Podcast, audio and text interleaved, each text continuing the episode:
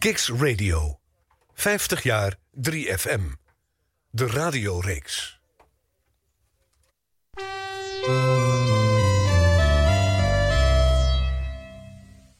Kicks Radio. 50 jaar 3FM. De radioreeks.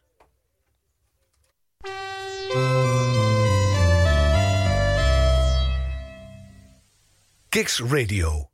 50 jaar 3FM. De radioreeks. Hilversum 3. Woensdagavond, even na 7 uur. Tijd om radiogeschiedenis te schrijven. De Nationale Popzender is 50 jaar. En dat vieren we op Kicks. Elke week met hoofdrolspelers van Hilversum 3, Radio 3, 3FM. Elke week met een ander jaar uit de roemruchte radiogeschiedenis... van de meest besproken zender van Nederland. 50 jaar 3FM, de radioreeks. Dacht je maar. Vanaf nu word je iedere werkdag wakker met Even staat op. Even staat op. De toekomst is begonnen. Hier, Hier op 3FM. We wensen je een Active 98.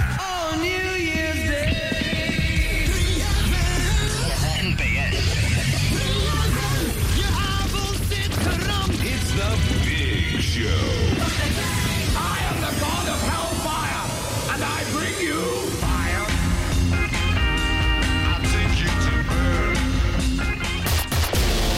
Welkom bij Kicks Radio. Radio zoals je het nergens anders hoort. Online, mobiel en via DAB+. Kicks Radio. Please welcome Arjan Snijders.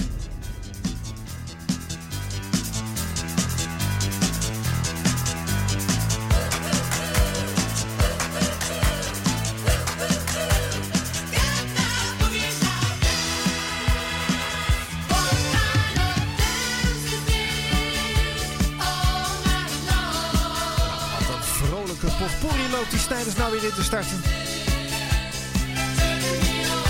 Het is Veronica Unlimited. What kind of dance is this? Aan de kop van weer een aflevering van de radioreeks 50 jaar 3FM.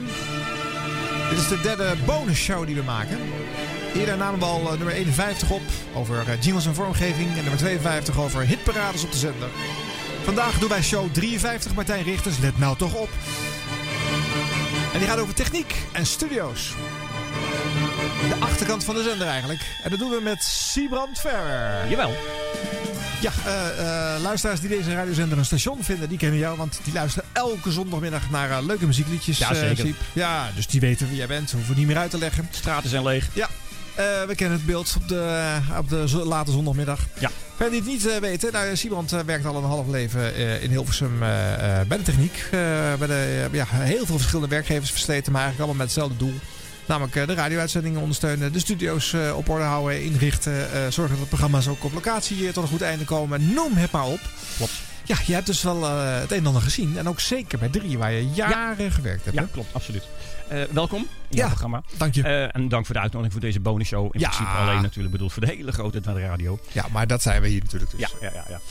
Eh, ja, inderdaad. ehm, 1977 waar we net mee begonnen. Dat was net voordat mijn carrière bij de radio begon. Zomer van 77. Ik was toen leerling van de MTS in Vlissingen. Ehm, vond het wel heel leuk, maar in tegenstelling tot de meeste andere klasgenoten, die wilden graag in de buurt blijven. Die wilden s'avonds bij moeder. Ik wilde, ik wilde weg.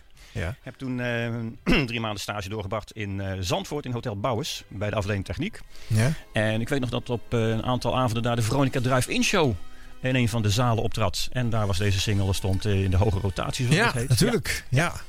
Vervolgens eh, toch weer terug naar school, naar mijn woon- en geboorteplaats Goes.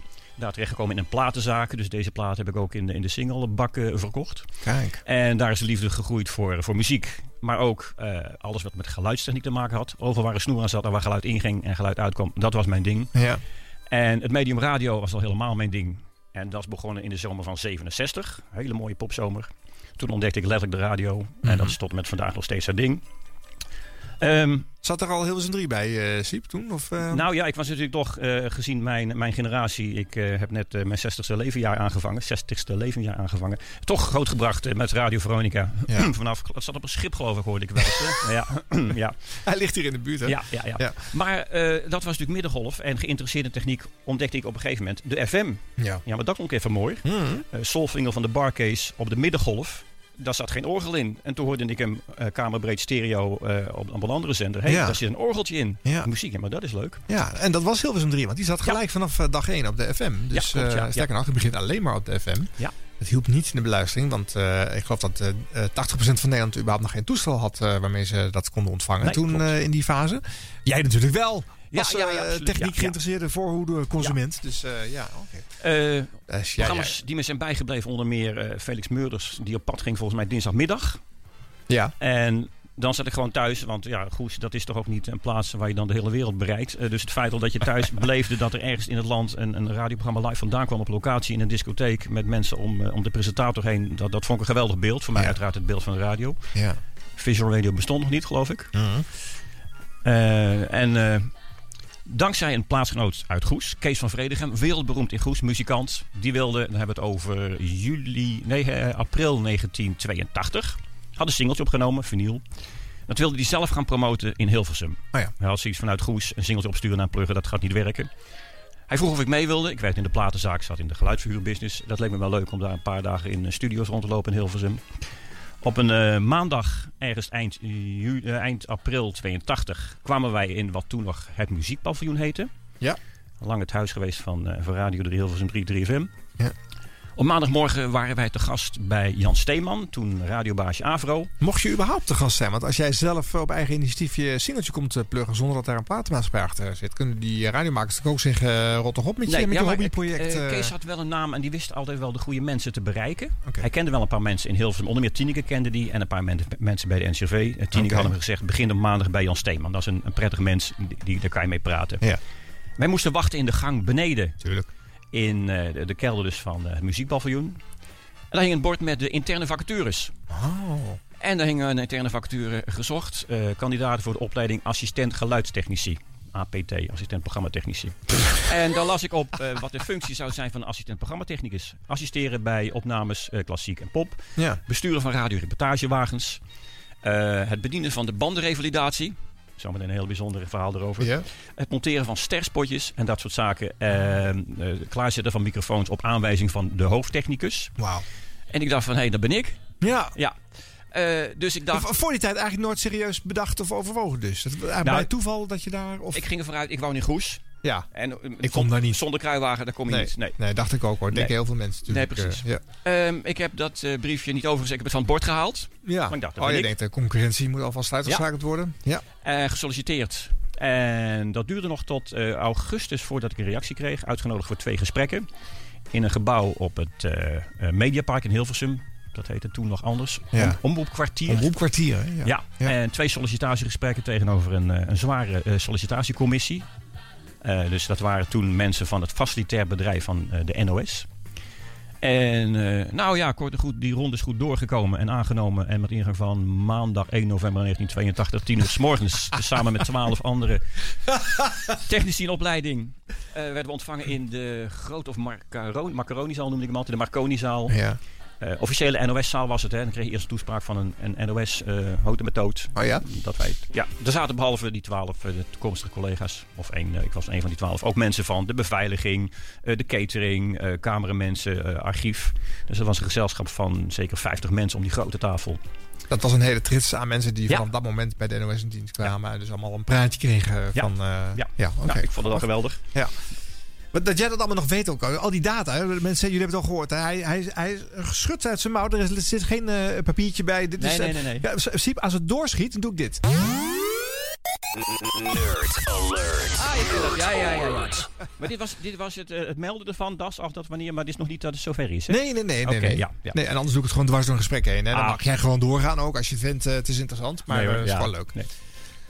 Nou, eh, en waarom is de geschiedenis van Hilversum 3 uh, qua techniek een leuke? Wat, wat, wat, wat is er misschien zelfs wel leuker dan bij andere radiozenders over te vertellen? Um, dat is natuurlijk weer persoonlijk. Kijk, ik heb in een platenzaak gewerkt met liefde voor popmuziek. Ik bedoel, de top 40 was mijn, mijn, laatste, mijn top 40, top 50 ook. Hè. Gewoon ja, een stuk van je leven. Ja. Tot met vandaag toe. Dus ik had niet zoveel met klassiek muziek. Ik noem het altijd de do dode violen. Ik weet Ja. dat de violen moeten links zitten en de bassen rechts. En dan kom je bij een, een, een, klassiek collega al een heel eind. Ja. Uh, dat was één ding. Uh, belangstelling voor geluidstechniek, dat vond, ik, eh, dat vond ik fascinerend, geluidstechniek. En het medium radio. En ja, eh Hilversum 3, Radio 3, 3FM leefde het meest. Daar gebeurde wat. Ook al door de interactie tussen programmamakers die zelf schrijven en een technicus die er bijdrage levert. Popmuziek bij 3FM bele- eh, is een belangrijk onderdeel. Hè. Het ontstaan van eh, de 2 meter sessies eh, ligt ook bij, bij Radio 3. Ja. Ja, daar gebeurde voor mij het meest. En begin van mijn carrière was ik assistent programmatechnicus. Wat een geweldige tijd was. Maar ik vond het toch altijd heel leuk om even in de kelder van het muziekpaviljoen binnen te lopen bij de collega's die in ECK 3 zaten. Eindcontrolekamer 3. Met aan de andere kant van de glas de disjockey. Ja. Ik ben niet van de, van de held, ik ben niet van de verering van hé, hey, dat is Frits Spits. Eh, het mooie van radio vind ik ook dat Frits Spits is gewoon Frits. Voor iedereen die bij de radio werkt. En Ja. dat is in tegenstelling tot televisie, waar wel eens hiërarchie zit aan de kant van de techniek en de presentatie en productie. Bij radio gelukkig niet het geval. Nee. Maar die tien jaar dat ik als assistent werkzaam ben geweest. Dus behalve voor eh, Radio 3 locatieuitzendingen van, van Losvast tot de Paperclip Tour. Eh, heb ik ook in het concertgebouw rondgedold. Violen neerzetten. Ja. eh, Ja, je, las, je. Ja. zei het net, dat hoorde ook bij Ja. je functie. Dus Ja, dat- ja. ja. Ja, leer je wel heel veel van. Want eh, een deel van de popmuziek heeft toch een stukje basis wel in een concertgebouw, grote zaal misschien. De eerste keer dat ik in een concertgebouw kwam, hè, als, als zeeuw uit Goes, ja, Ja. Dat, dat is toch, vond ik toch wel een dingetje. Ja.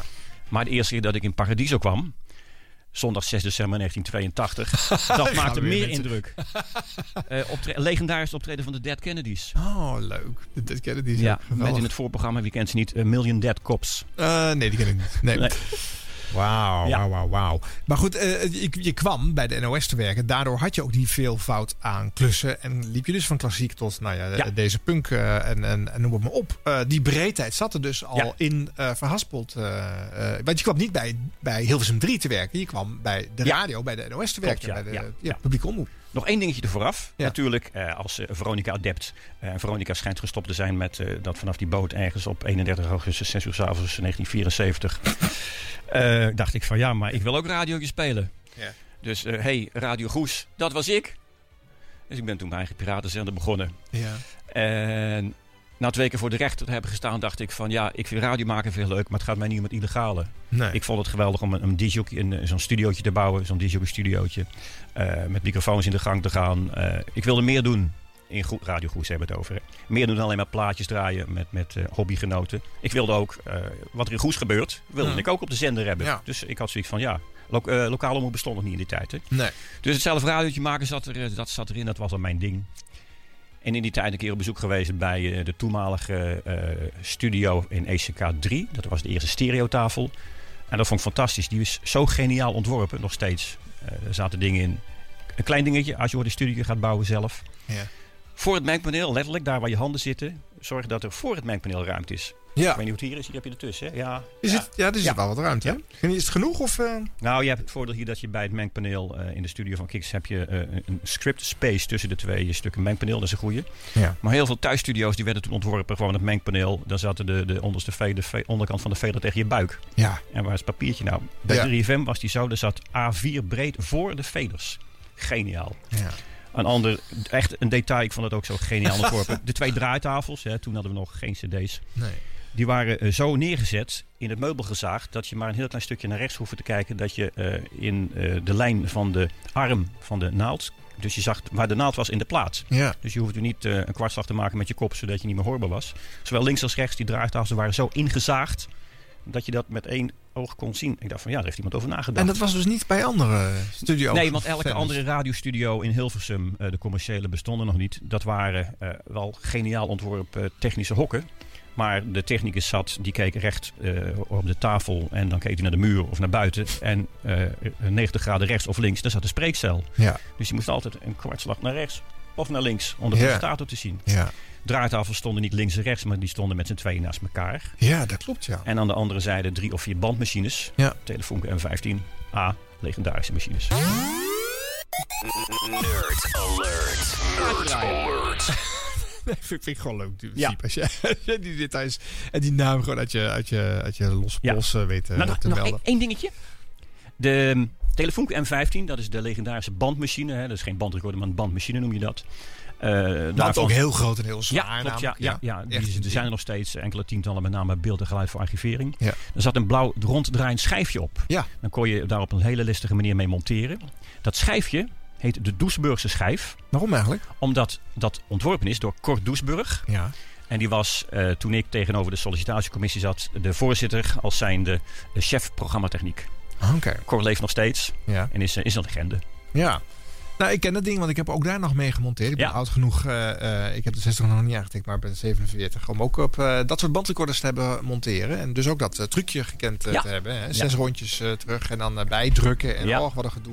Maar goed, wie weet begrijpt, er, begrijp je er wel niks van als je hier naar luistert. Hè? Oh. Laat het even weten dan. eh 50k3fm, dan kijken we even mee op de Twitter. Ook als je specifieke vragen hebt aan Siep over een stukje techniek door, de, door de jaren heen. gooi het maar over de heg, over de digitale heg. Je kan ook mailen naar de uh, studio.kicksradio.nl. Dan moet ik die hier even opengooien. En dan kan ik op die manier kijken wat jullie eh, te melden hebben. Ehm, fragmenten hebben we vandaag niet zoveel. Want ik heb besloten, eh, ik heb wel wat geluisterd. Maar het is niet zo heel erg leuk om te laten horen hoe een zender weer een nieuwe studio in gebruik neemt. Dat, dat, ja, DJ's hebben daar natuurlijk veel over, want voor hen is het een groot ding. Maar voor de luisteraar meestal niet. Nu meer nog dan vroeger, want nu kan je het ook zien. Ja. Dus nu is het functioneel om uit te leggen. We zitten in een ander hok. Kijk maar, want, eh, of, of misschien denk je, hé, hey, waar zijn ze nou? Dan, dan, dan heeft het zin. Maar, maar over een nieuw apparaat, ja, voor de makers is het belangrijk. Maar dus ik, die fragmenten leveren niet zoveel op. Wat we wel doen vandaag is, het muzikale vertier komt dit keer niet uit één jaar. Het is tenslotte een bonusshow. Maar wel uit de, eh, de, de radiohoek. Het zijn namelijk radiomakers. Die eh, soms eigenlijk best wel vaak een beetje gefrustreerde muzikanten zijn. En die, omdat ze dat niet helemaal in de vingers hebben, dan maar de muziek van andere helden zijn gaan draaien op de radio. Second best choice. Geldt niet voor iedereen, hè, maar voor sommigen wel. Eh, opvallend is als je de eh, muzikale uitingen vandaag eh, gaat behoren dat het nogal veel novelty plaatjes zijn. Of ze hadden wel door dat ze niet tot grotere prestaties in staat waren. Of dachten, ja, alleen maar meligheid weet ik nog een hitje te scoren. Maar je gaat ze uit allerlei generaties van de 60s tot en met zeer recent horen. Oud DJ's van eh, drie eh, of nu de huidige lichting. Die dus een, een liedje hebben opgenomen, een plaatje hebben gemaakt. Die eerste valt er eigenlijk buiten, want dat Veronica Limited, dat was in 77 door de Veronica Omroeporganisatie wel uitgebracht. Met, Ja. eh, met de oude jingles van Veronica er doorheen. Ja, het verhaal gaat dat Lex Harding daar wel iets voor ontvangen heeft. Ongetwijfeld. Maar die heeft tenslotte ook niet makkelijk financieel gezien. Dus het, het, het, is hem, het is hem gegund. Van welk plaatje uit die hoek werd daar niet een regeling bij getroffen. Eh, maar nou, ik blijf nog even in het Veronica-kamp. Eh Alfred Lagarde hij maakte natuurlijk furoren op drie bij de VARA. Maar velen herinneren zich vooral uit de Veronica-tijd. Countdown Café. Uh, hij had een alter ego waarmee hij drie keer de hipraad heeft aangetikt. Zijn grootste was deze. Hey Johnny. Hey, hallo luisteraars. Hier is Johnny Camarro weer. Ja, het is een tijdje geleden. Ik was een beetje absent een tijdje. Ja, een jaar of vijf of zo. Maar nu ben ik weer terug en ik heb gespaard om een nieuwe plaatje op te nemen. Dit is een dansje, een weesje, een liedje. Waardoor je al je zorgen gaat vergeten. Ook een huil je tranen met teuten. Van dit weesje ga je gewoon weer fluiten, weet. Er is helemaal niks aan de hand. Luister maar. Hier komt ie. Dit is een weesje wat ik ooit schreef. Als je het hoort moet je gelijk meezingen. Don't worry. Be happy.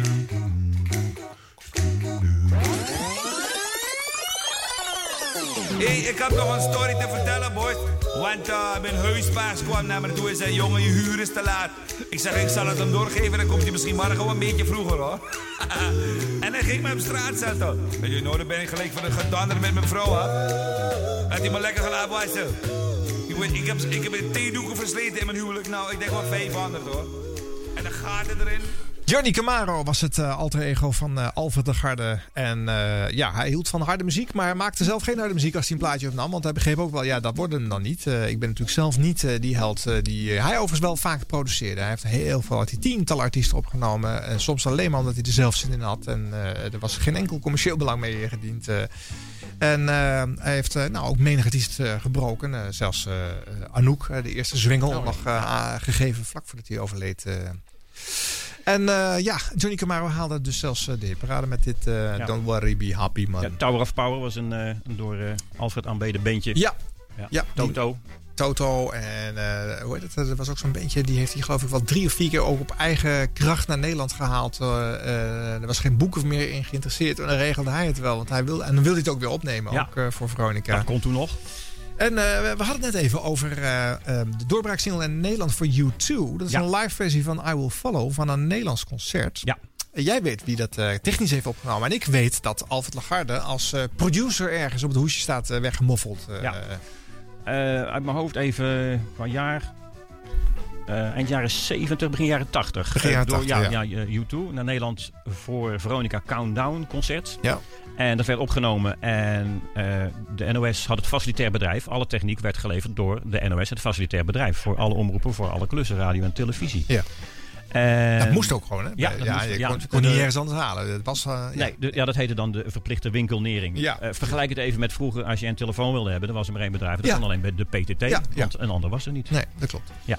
Eh, dat werd opgenomen voor televisie. En het was wel zo, Veronica was natuurlijk op het gebied van muziek en techniek en radio wel vooruitstrevend. Die hadden wel zoiets van, ja, als het wordt opgenomen eh, audiotechnisch, willen we wel graag dat een audioman, een radioman dat opneemt. Eh, een legendarisch, legendarisch collega, Gert de Bruin, werkt nog steeds bij de Omroep. Bij een, eh, facilitair bedrijf wat Dutch Show heette, wat nu NEP heette. Er worden wel eens wat bedrijven overgenomen in de facilitaire sector. Ja, ja. eh, facilitaire sector. Ja. Die heeft toen dat concert opgenomen. En ik weet, ik heb het singeltje verkocht in de winkel waar ik toen werkte. Je weet wel, Open 7 in de Lange Voorstraat 73 in Goes. Tuurlijk. En ik vond wel de eerste keer dat ik het hoorde, ik vond het wel een bakherrie. Want het was een live singeltje met heel veel Ja. publiek aan het begin en einde. Later pas eh, begreep je hoe U2 zijn muziek maakte. Ja. Gert de Bruin heeft het singeltje opgenomen. Hij staat ook vermeld op het labeltje. En eh, dat was voor Gert ook een doorbraak, omdat hij ook de goedkeuring kreeg van U2. Ja. Want eh, die waren nog niet zo groot in Nederland, maar wel eh, aan de andere kant van het water. En dat is een van de voorbeelden waar collega's van mij eh, toch wel eh, iets presteerden. Iets meer dan alleen maar op tijd een band starten. Ja. En eh, Gert is dus een collega van mij geweest, vele jaren lang. En dat, ja, dat, dat- op dat soort eh, collega's ben je wel trots. Als je Ja. erbij bent. Dus samen dat is natuurlijk ook doet. ontzettend stoer. Dat is leuk. Hij, Ja. Dat heeft hij vast ergens toch in een, in een lijstje ook aan de muur hangen. Dat singeltje, denk ik. Ja, zeker weten. Ja, Ja, En hij heeft bijvoorbeeld ook eh, de, de film van Prince. Oh ja? Eh, daar staat hij ook op de titelrol. Oh, is dat met die opnames van eh eh Live Rotterdam. Ja, Ahoy heeft ja. hij toen ook opgenomen. Oh, ja, leuk. Ja, dat zijn echt stoere dingen. Ja, ja. Ja. Voor mijn boek, eh 50 jaar 3FM, eh Siep, sprak ik met vele radiomakers die de jaren 60 en 70 eh, vooral ook meemaakten bij Hilversum 3. En die eh, behoorlijk wat te klagen hadden over de rol van de technicus. Ja. Want nou, je zegt het, het was verplichte winkelnering. Eh, die mensen werden ingedeeld, er was een schema. En als ze ja, bij drie werden ingedeeld, was dat niet altijd omdat ze dat zo leuk vonden om bij een popzender te werken. Nee. En eh, dus het kwam mm, kennelijk regelmatig voor dat de technicus zo ongeïnteresseerd was in eh, wat er allemaal aan de andere kant van het raam gebeurde, in de studio waar de DJ zat, Ja. dat hij de krant ging lezen of dat er, dat Ja. er een mevrouw zat eh, te breien tijdens de uitzending. Een volledige desinteresse uitstralend ook naar die DJ. Dat was Rienke. Rienke die was altijd aan het breien. Ja, en ik, dat heb ik dus, eh, nou ja, ik heb dat gewoon geciteerd in dat boek. En Ja. toen kwam ik bij de opening van de tentoonstelling 50 jaar 3FM. En bij die opening, daar, daar, daar was ik bij. En daar stonden allerlei mensen om dat bij te wonen. En toen was een, een, een clubje van drie, vier wat grijzere mannen. En die stonden mij boos bij de uitgang eh, op te wachten. Oh. Die kwamen even verhaal halen over die periode. Ja, ja, ja. ja. Want dat was allemaal natuurlijk niet zo erg geweest. En dat was allemaal eh, erg overtrokken. En, eh, maar goed, wat, wat heb jij daarvan meegekregen? Ehm, dat facilitair bedrijf van de, van de NOS, hè, dat vergelijk ik een beetje met de oude PTT. Nogmaals, je wilde telefoon hebben in de jaren 87. Dat kan alleen bij de PTT, er is maar één bedrijf. Als omroep kon je destijds maar bij één bedrijf je faciliteiten halen. Dat was bij het eigen NOS facilitair bedrijf. Ja. Binnen dat facilitair bedrijf, ik beperk het even tot de radio, waren alle disciplines. Dus er waren collega's gespecialiseerd in klassieke muziek. Collega's gespe- gespecialiseerd in het monteren van documentaires. Ja. Hè, over een, eh, een, eh, eh, Waar vroeger dagen over gedaan kon ja, ja, worden. echt hoor. Een VPRO-montage van een uur werd eerst voorgemonteerd. Ja. En dan was de eindmontage. Hè, dat dat eh, nam uren in beslag. Dus collega's die daarin eh, gespecialiseerd waren. Dan had je collega's die gespecialiseerd waren in hoorspelen. Dat, is- ja, dat is er ook weer een vak apart. Ja. Eh, dan collega's die geïnteresseerd waren in sport. Langs de lijn. Ja. En ehm, ja, eh, ja. het was natuurlijk toch ook een beetje een, een, een nou, niet geheel vergrijs. Ja, hoewel de huiskleur van de NOS was destijds grijs. Maar het duurde even voordat er de, een, een lichting met jonge technici kwam. Ja. Maar voordat je als technicus bij eh, Radio 3 of Hilsum 3 achter de knoppen mocht zitten, moest je het hele traject door van assistent-technicus. Je moest eerst leren het, het verschil tussen microfoons, luidsprekers, de hele routing van een regeltafel, Het leren eh, omgaan met het starten van een, eh, een hoe je een plaat start, hoeveel je die vooraf geeft. eh, bandmontage. Ja. Dat is een traject van maanden. Nou, dan ga je het volgende traject in. Dat is, dan werd je, zoals dat heet, derde man actualiteiten. Waar hebben we het dan over? Destijds had je, eh, elke omroep had zijn eigen actualiteitsrubriek. Eh Avro's Radio Journaal. Ja. Die technicus, de, de uitzending werd geschoven door een A-technicus. Want die was verantwoordelijk voor de uitzending. Nou jee, dat was echt ook zo'n zo'n hiërarchie ook ja, in. ja, en Echt. dan zat er ergens... Het is een beetje in- militair doet het allemaal aan. Ja, ja, ja, nog- het was natuurlijk een redelijk hiërarchisch ingericht bedrijf. Je maakt een vergelijking met, met eh, het militaire. Eh, eh, het bedrijf was Ook die afkortingen die je steeds bezig namelijk. Ja. Maar het bedrijf was ingericht, eh, de NOS, in divisies. Ach, kijk. Ja, dus. De, de divisie eh, radio was een, een afdeling, dus een divisie, hè, militair. Tot en met dat het terrein eh, omroepkwartier wordt genoemd Ja, trouwens. Eh, precies, het zit, zit overal. Ja, en, nog even bij, dus de, de, de A-technicus, die verzorgde de uitzending. Hè, die zat in de uitzendstudio met een regisseur en een redacteur en een presentator, of, of meerdere presentatoren aan de andere kant van het glas. Ja. Daarnaast zat in een andere studio de eerste man, de, de tweede man, voor het binnennemen van de eerste lijnverbindingen. Dus er meldde zich een correspondent uit eh, Parijs, eh, Berlijn of Washington. Dat werd opgenomen in die tweede studio.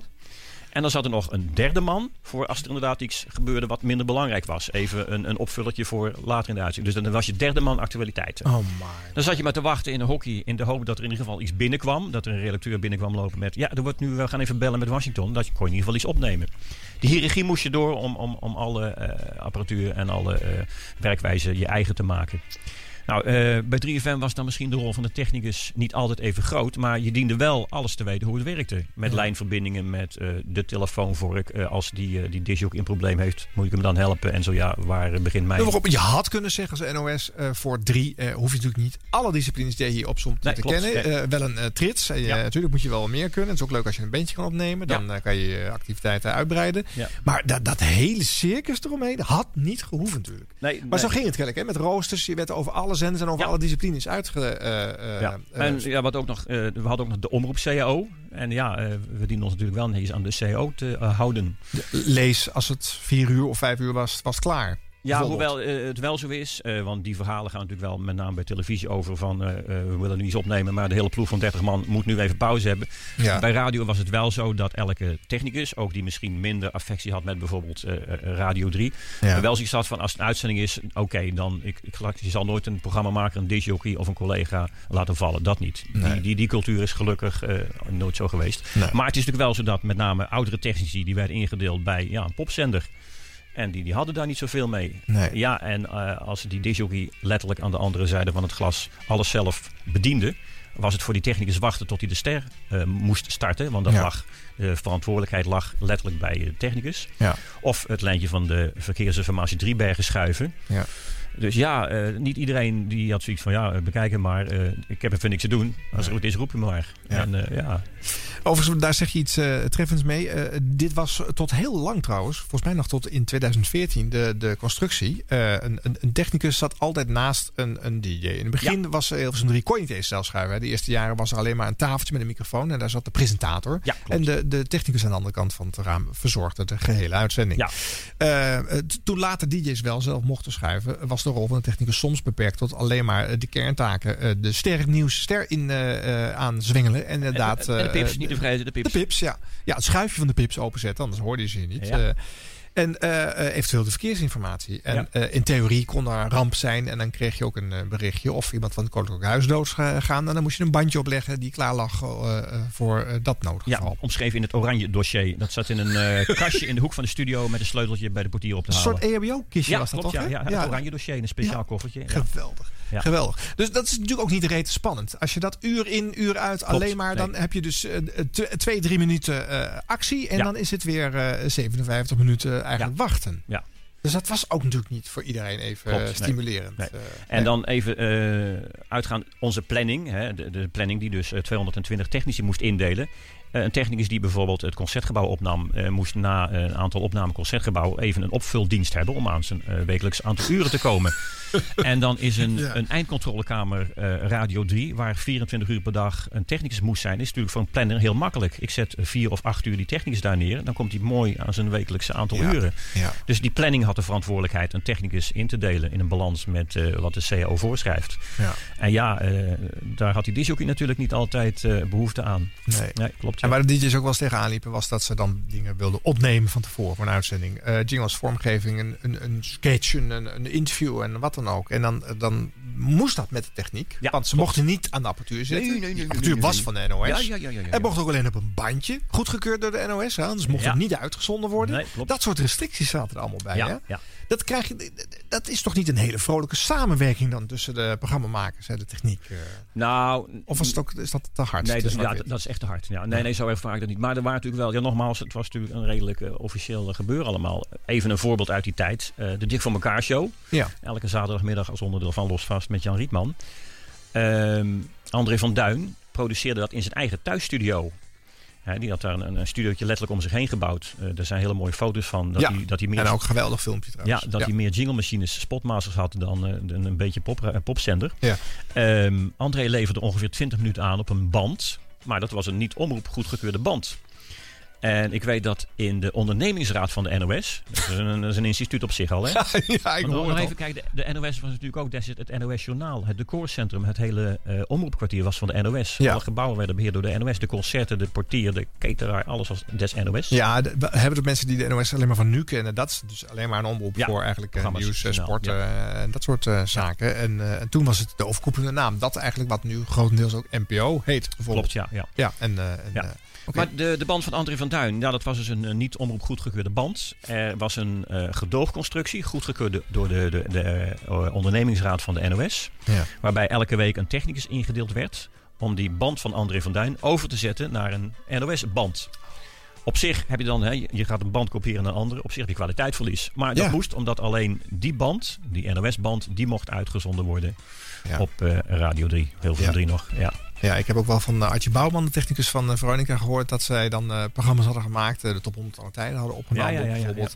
En die hadden zij vet De compressie opgenomen, in. compressie in, hard. Het was te hard naar de NOS-normen, dus werd overgespoeld, zachter gemaakt. En op die manier uitgezonden, waardoor de, ja, de ballen waren er een beetje uit. Ja, ja, klopt, ja. Ja, Nou ja, goed. Het vroeger met andere tijden. ja, ja. ja. Eh, Je had het net over André van Duin. Ja. Eh, het is natuurlijk heel lang te horen geweest op drie. Dus, en heeft ook ontzettend veel plaatjes uitgebracht. Eh, Ja. eh, dus een mooi excuus om er iets van hem te draaien.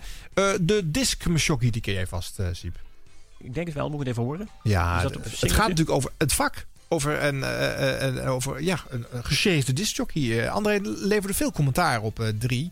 En we hopen hem nog te ontvangen in september samen met leuk. Groot. En dan, eh, ja, de, de Dik voor elkaar show bestond zeker in de jaren 70 vooral uit uh, parodieën. eh, eh, commentaar op andere programma's van, eh van Nog, één André van Duintje? Ja, nou, be- Behalve inderdaad dus dat, eh, dat die band moest worden overgespeeld. Ehm, in de opleiding bij eh, Sandbergen, het destijds het eh, opleidingsinstituut Ja. van de Omroep. Daar heb ik een geweldige opleiding gehad, dat was echt zo mooi. Ja. Eh, daar leerde je ook alles over eh, hoe je een plaat moest vasthouden, een LP, een singeltje. Nou wist Ja. ik dat wel, want ik had in een platenzaak gewerkt. Ja. Maar ook hoe je met banden om moest gaan. Ja. En eh, het bandensysteem van de omroep, eh, dat waren banden ter afmeting dus van de LP, de grote banden en een singeltje, eh, de kleine banden afmeting van een singeltje. Ja. Die grote banden, de NA-banden, zo heette die, hadden daar een nummer van, van soms wel zes cijfers. Werden keurig netjes gearchive- gearchiveerd bij de fonotheek, Ja. tegenwoordig beeld en geluid. En wij leerden, bij elke band hoort een bon. Als je een opname maakt van een concertgebouw, dan neem je dat op op de band. Je vult die bon in. Eh, datum, eh, eh, tijd van opduur, alle werkjes. Ja. van de technicus, van de regisseur, assistent. Maar ook als je programma opneemt voor een, een, een, een documentaire, moest daar altijd een bon van gemaakt worden. De lijfspreuk die wij meekregen: een band zonder bon is een moedeloos veu- veulen. Een band zonder bon is een moedeloos veulen. Dus de uitdrukking, eh, heeft u daar een bon van, van André van Duin, Ja. komt dus zonder meer uit, uit dat jargon. Komt, daar voor, komt Ja, daaruit voor. heeft u daar een bon voor? Ja, Ja. ja, ja. Nou ja, dat zullen we, daar- gaan we binnenkort met hem ook over hebben. Is Ja, leuk. leuk. Eh, laten we luisteren naar eh, Goedemiddag! André van Duin. Ja!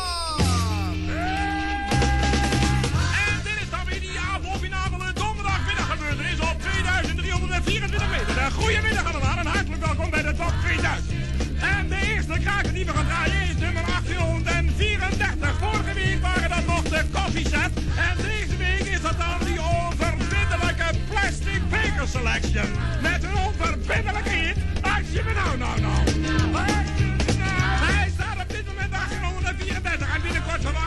In de top 17 op. Want dit is een hele goede plaat en aan twee kanten bespeelbaar. En aan iedere kant zit een gaatje. Hij is uitgebracht op de bekende label Potpot. En dat is een geweldige goede plaat. Hier staat ze zeker weer gaan doen.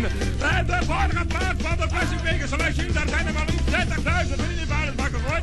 En ook van deze zijn de verwachtingen weer zeer hoog gevallen. Ah, dit is die abominabele donderdagmiddag gebeurtenis op 2324 meter. Dit is de top 2000 en dit is de plastic Vegas. En na 2,5 jaar in de En na 3 jaar als kanskaart hebben we geprobeerd. Nu eindelijk in de top 2000. Een geweldige plaats. En net als alle anderen gaat ook deze hit met een enorme stip van je klitsplaats vlammen van de ene stip naar de andere. Met een plastic Selection. Maar vorige week stonden ze nog op de 2000ste plaats. En nu zijn ze met een enorme stip gezegen in de 1834ste plaats. Met een plastic Vegas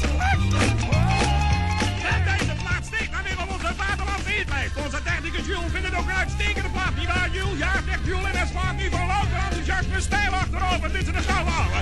Die we tussen twee haakjes om vijf uur weer gaan draaien. Want om vijf uur gaan we weer terug in de tijd. Uh, voor de toppers van toen.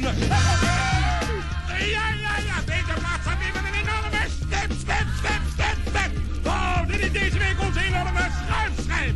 Oh, dit is de abominabele donderdagmiddag gebeurtenis. En ook nu vliegen de hits weer de pan uit, jawel. Zoals je ziet hoor, zo horen ze weer nergens. Ja zeker, van 2000 naar 1834. Hartstikke nou, nou, nou. Ah, beste mensen, beste mensen, de tijd dringt helaas alweer. Wij moeten er weer uit. Hartelijk bedankt dat jullie geluisterd hebben. En graag tot een volgende keer. Wanneer ik weer die abominabele top 2000 op presenteren. Wij gaan eruit, beste mensen. Graag tot ziens. Tot de volgende week. Zelfde golflengte, zelfde tijd. Tot ziens. En tot de volgende week.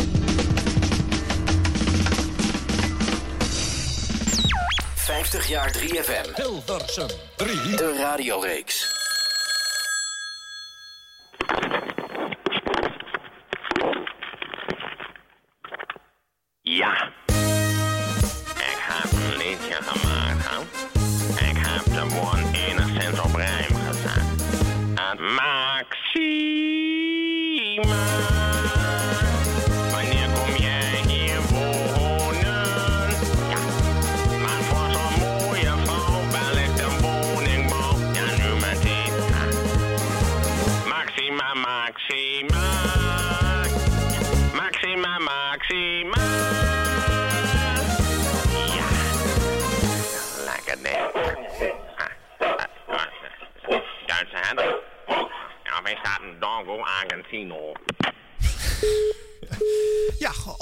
Eh, Edwin Evers. Dit is uit zijn tijd op eh, 3FM eh, bij de KRO. Toen hij eh, begon met eh, Evers staat op. De eh, ja, ochtendshow die op 538 nog steeds furore maakte. Dit was eh, Royal Bernard. Eh, eh, hij leefde toen nog, dus daar mocht het. En eh, uiteraard heette het Maxima. En eh, daarna, eh, nee, daarvoor natuurlijk zijn voorbeeld. Die notabene ook als eh, Bernard al een, een, eh, succesvolle single had eh, gehad. eh, Willy Alberti bedankt. Eh, maar dat was eh, eh, twee decennia daarvoor. We André met de disc Mushoki, een soort persiflage op een uh, gesjeesde hit eh, DJ. Ja, eh, de muziek vandaag komt alleen maar van mensen die op eh, 3FM, eh, Radio 3, Hilversum 3 eh, programma's presenteerden. En ook eh, muzikale uitingen hebben uitgebracht. Eh, dus eh, ik kan wel bedenken, wat zit daar zoal nog bij? Ik zal ook nog wat uh, recents draaien hoor. Het is niet alleen maar oud. En, eh, maar we zouden er een hele uitzending mee kunnen vullen, maar dat doen we niet. Want we hebben praatjes, we hebben Siep. We hebben, we, hebben, we, we hebben babbels over de techniek, over de achterkant van eh, de radio en van de studio's en eh, de werkplekken daar. En we hadden het een beetje over de omgang eh, en, en de, ja, de wat hiërarchische eh, NOS eh, in vroegere dagen. Eh, dat gold overigens ook voor omroepen zo. Hè. De omroep waren ook eigenlijk helemaal niet zo geïnteresseerd in wat er gebeurde bij Hilversum 3. De- dit is een beetje hoe de zender gegroeid is. En, en, en uit het wat archaïsche Hilversum er uiteindelijk een soort Je popstation zou, je zou er een boek over kunnen schrijven. Nou, zou ik niet doen. Daar ben je jaren mee bezig. Het verkoop van gemeenten, Siep. Eh, maar ja, jij hebt, Siep, de tijd meegemaakt dat er allerlei omslagen in Ja. dat proces Ja. Eh. Was dat noodgedwongen eigenlijk? Moest, Ja, dat? ehm, nogmaals de vergelijking met de PTT. De PTT is eh, destijds, eh, behalve je telefoon, verantwoordelijk voor de, de postkantoren, voor de, de, de brieven, de, ja, ja, precies. de Ja. telegram. Nou, dat is inmiddels een bedrijf wat een PTT Telecom is geworden, of KPN Telecom, die de telefoons en- en, en de postkantoren. DPG Ja, dat bestaat allemaal niet meer. Dus- of weet ik veel. ja. Ehm, een vergelijkbare ontwikkeling heeft, het, heeft de NOS ook doorgemaakt. Ehm, het, eh, de, of de NOS was geen ehm, overheidsbedrijf, maar de aandelen van het bedrijf waren in handen van de staat. Dus ik was geen ambtenaar. maar eh, wel een CO-gerelateerd bedrijf. Ja. Eh, dat moest allemaal anders worden. Eh, de, de techniek, de faciliteiten moesten uit de omroep gehaald worden. Dat betekende dat, net als de, de PTT eh verzelfstandig moest worden, was, was dat ook een traject wat eh, toen al de, onze bedrijf inging. Ja. En eh, dat is toen het NOB geworden. Die omslag werd binnen de NOS al voorbereid halve jaren 80. En dat betekende eigenlijk een mooie zin die destijds een van onze managers eh, bezigde. Was in plaats van de dienst uitmaken, moesten wij de dienst gaan verlenen. Ja. Eh, wij maakten als technische bedrijf de dienst uit. Hè, er was bij ons een afdeling die ontwikkelde alle techniek. En ook binnen ons bedrijf was het natuurlijk best wel een strijd. Want er waren technici die zoiets hadden van... ja, maar dat is toch wel een beetje hè, eh, een, een regeltafel met 12 monokanalen. Eh doe eens een regeltafel met 24 stereokanalen. Maar ja, dan krapte er iemand eh, bij de afdeling eh, ontwerp van... ja, maar dat is een beetje raar een stereofader. Maar monofaders werken beter. Ja, ja, ja. Ja. Ehm, enerzijds was het wel zo, de techniek was natuurlijk was, was perfect. Bedoel, alles werkte altijd. En als het niet werkte, dan was er altijd wel een on- onderhoudstechnicus op afroep beschikbaar in het gebouw zelf. Maar inmiddels alle techniek die geba- zelf gebouwd werd binnen het NOS het bedrijf, was inmiddels al langzamerhand ook op de markt verkrijgbaar. ja. En uiteraard, eh, heel veel technici begrepen dat ook wel. En die wisten dat ook wel, dat je er gewoon eh, iets kon bestellen in Amerika en eh, zelfs in Nederland. ja. Eh, dus die omslag van de dienst uitmaken. Hè, ik bepaal wat voor jou goed is als presentator, disjockey, technicus of regisseur. eh, gaan we de dienst verlenen, vertelde die manager. Waarom moest dat? Omdat we als NOB straks commercieel zouden worden. En dan ben je als Avro of Veronica of eh, welke klant dan ook niet meer verplicht om bij die NOB die diensten Nee. af te nemen. Nee. En je moest er ook voor gaan betalen. Dat is ook heel raar. In die tijd bestond het niet dat wij als bedrijf het rekening verstuurden naar een omroep. Nee. Nee, dat werd allemaal om niet. Eén grote hoop ja, was het allemaal. grote eh, gezellige hoop. Daarom, hè, Ja. het geld klotst tegen de plinten. Dus eh, Ja, het- precies. het kon niet op. Nee, inderdaad. Nee. Eh, nou, dat, dat, heeft, dat, ja, dat is best wel een logisch proces wat eventjes wat heeft tijd nodig. Hè? Je zal allereerst eh, natuurlijk eh, de ontkenning krijgen bij alle medewerkers. En dan eh, het besef en dan eh, verzet. Verzin het allemaal maar. Ja. Maar goed, eh, de meeste collega's hadden wel zoiets van... ja, dat zal dan toch wel een keer gaan gebeuren. Dat we de dienst moeten gaan verlezen. De programmamakers die kregen dat ook door. Van oké, dus straks dan zijn we niet meer verplicht... eh, die technicus met het grijze haar achter de kant eh, in te huren. Eh, een legendarisch moment wat zich heeft afgespeeld ergens, nou, dus nog in de oude ECK3, de stereo eh disjockey studio die tot 87 in gebruik was. In wat later het, de studio werd naast het Pim Fortuynplein. Ja. Een nachtuitzending van Tom Mulder, Tros Nachtwacht, in de nacht van zondag op maandag. Ja. En Tom Mulder, legendarisch programmamaker, niet altijd de makkelijkste. Had wel zo zijn voorkeur. Eh, die had eh, twee cd-spelers die hij zelf meenam voor Nachtwacht. Want er stonden nog geen goede cd-spelers in de studio. Ja. En Tom had samen met Ad Roland iets verzonnen dat hij die cd-spelers kon aansluiten op het kanaal, op het schuifje van de jingle-machines. Oh ja. Alleen er zat ergens een bepaald knopje wat je dan om moest zetten. En als je dat niet deed, dan kwam het geluid van die cd niet onder de schuif uit.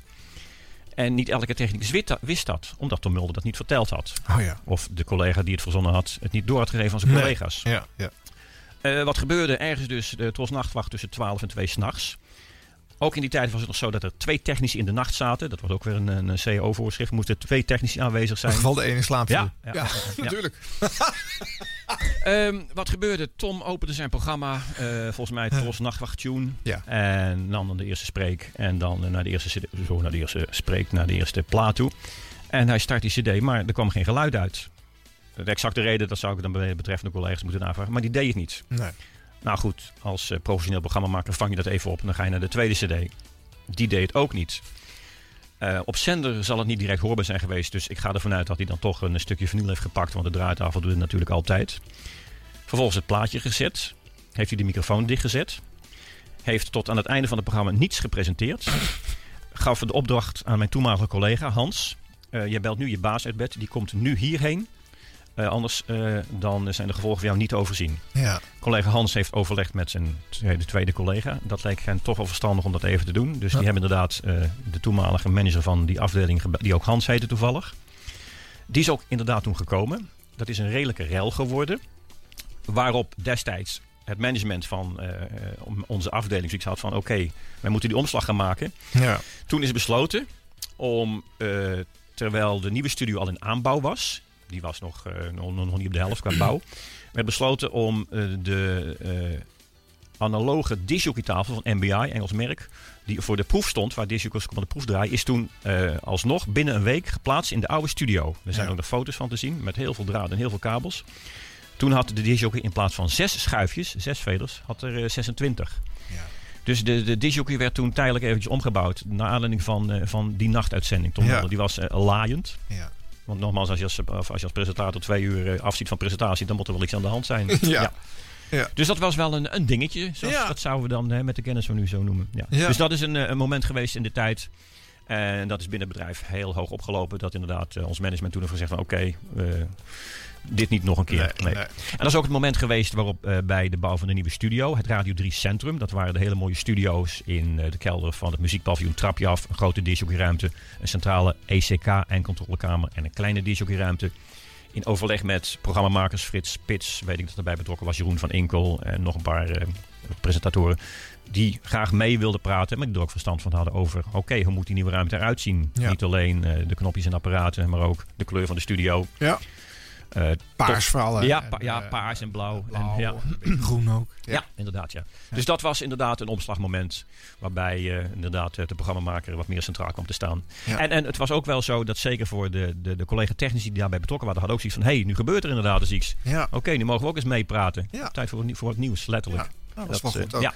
En als je de, eh, voor degene die daar geen weet van hebben, je moet maar eens wat fotootjes googlen eh, of bij beeld en geluid in de archieven kijken. Ja. Als je die oude eh, studiootjes ziet, of in ieder geval de mengtafeltjes, die zijn er nog. Het zijn echt kleine archaïsche hokjes Ja. ook. Met verticale schuifjes nog bij de oudste modelletjes. En.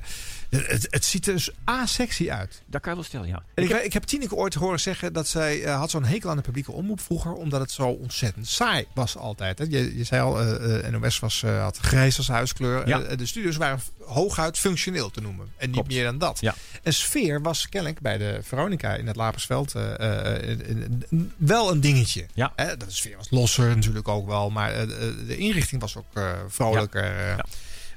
Dat zijn nu hele logische dingen. Studio's zien er altijd eh, mooi Ja. Ja. uit. En eh, sfeer is een belangrijk ding. En eh, nu helemaal nu er webcams op staan. Maar dat was vroeger dus helemaal geen, Nee. geen ding. En pas die studio die in 87 in gebruik is genomen.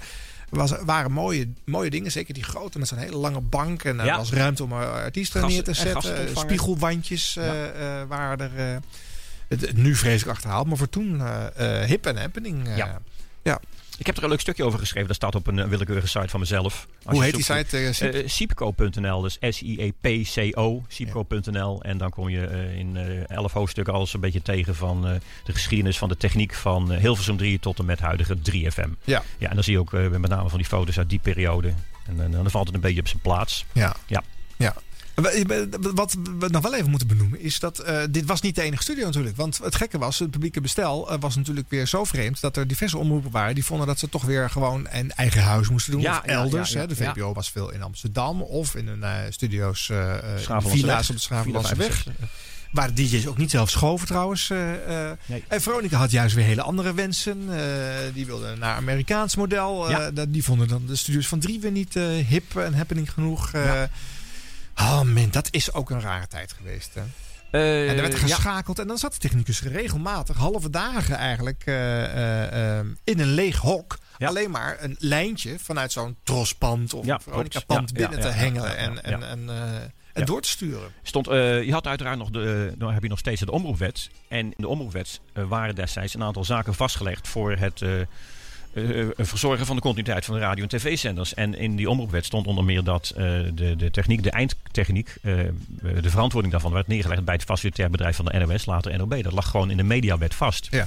En in de uitvoering daarvan was het zo dat elke eindcontrolekamer, de laatste schakel voor iets naar de zender gaat van de PTT, daar moest een technicus zitten, een gekwalificeerd technicus.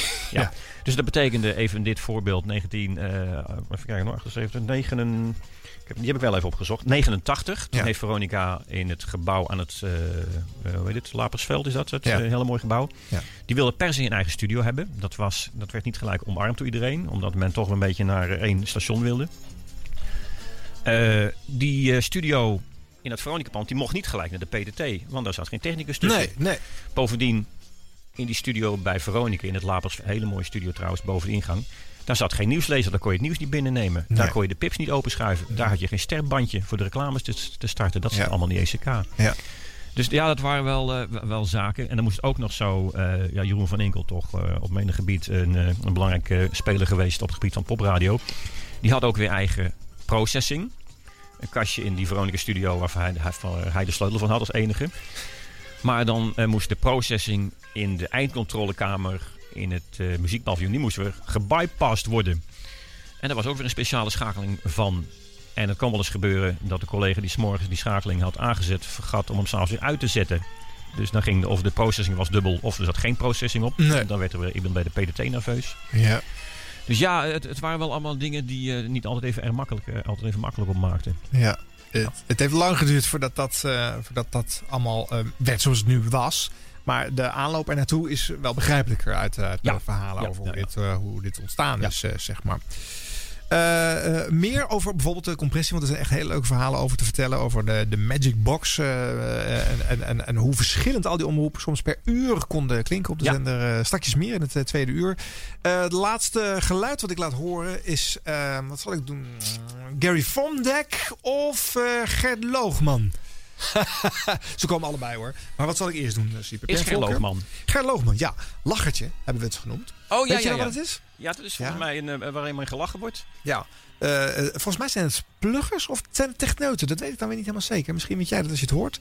Ehm, eh, die hebben een heel veel DJ-namen van eh, nou ja, jocks die in de jaren 70 groot zijn, verbasterd. En hebben daar de grootste lol om. Volgens mij hebben ze al even ingedronken voordat de opnames plaatsvonden. Eh, zelfs als je het niet begrijpt, is het leuk. Want het lachen is bijzonder aanstekelijk. Wij dragen deze plaat op bijna alle Hilversum 3 DJ's. Begin jij? Ja. Als eerste, Jamie Bronwater. Willem Kotelet. Herman Stokbrood. Hugo Vergelderworst. Ferry Mondjesmaat. Peter van Stoedam. Alice Berghoff.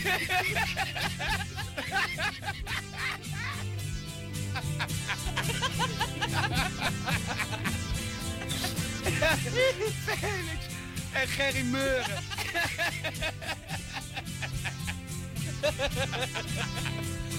Lex van Deus.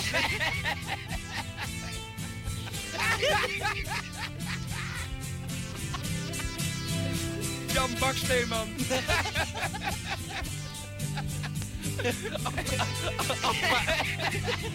Afparelvisser.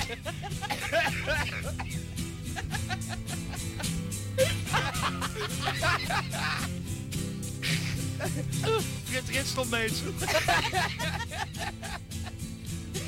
Vincent van Engelenbak. Komt erin. Skip van Dijkhout. Jan, Jan, Jan Veenhuizen. Arno van Egmond van Zee. Het was ik niet.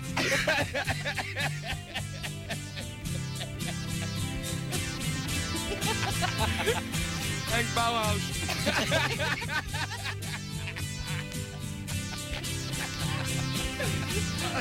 Klaas wat minder vaak.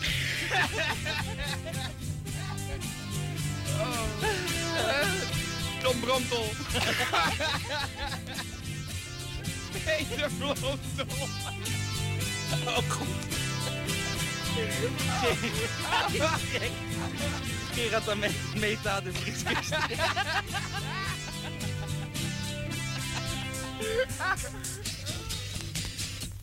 Hele andere melodie. 2 over 6 ochtends. Op de parkeerplaats van Radio 3 is het nog erg stil.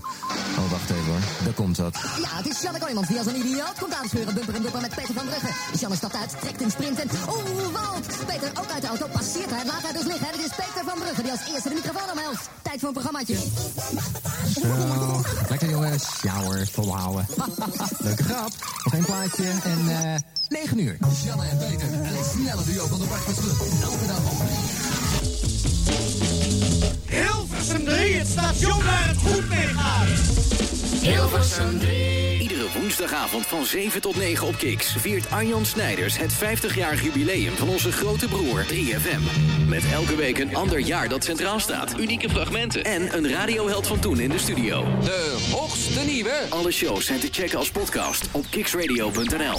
En er is ook het boek van Arjan Snijders. 50 jaar 3FM. Van vrolijke puinhoop naar Serious Radio. De radiobijbel en must-have voor elke muziekliefhebber. Vol met radiogidsen uit alle jaren, top 10 lijstjes en unieke anekdotes. Het boek met meer dan anderhalve kilo radiogeschiedenis is nu te koop op 50jaar3fm.nl.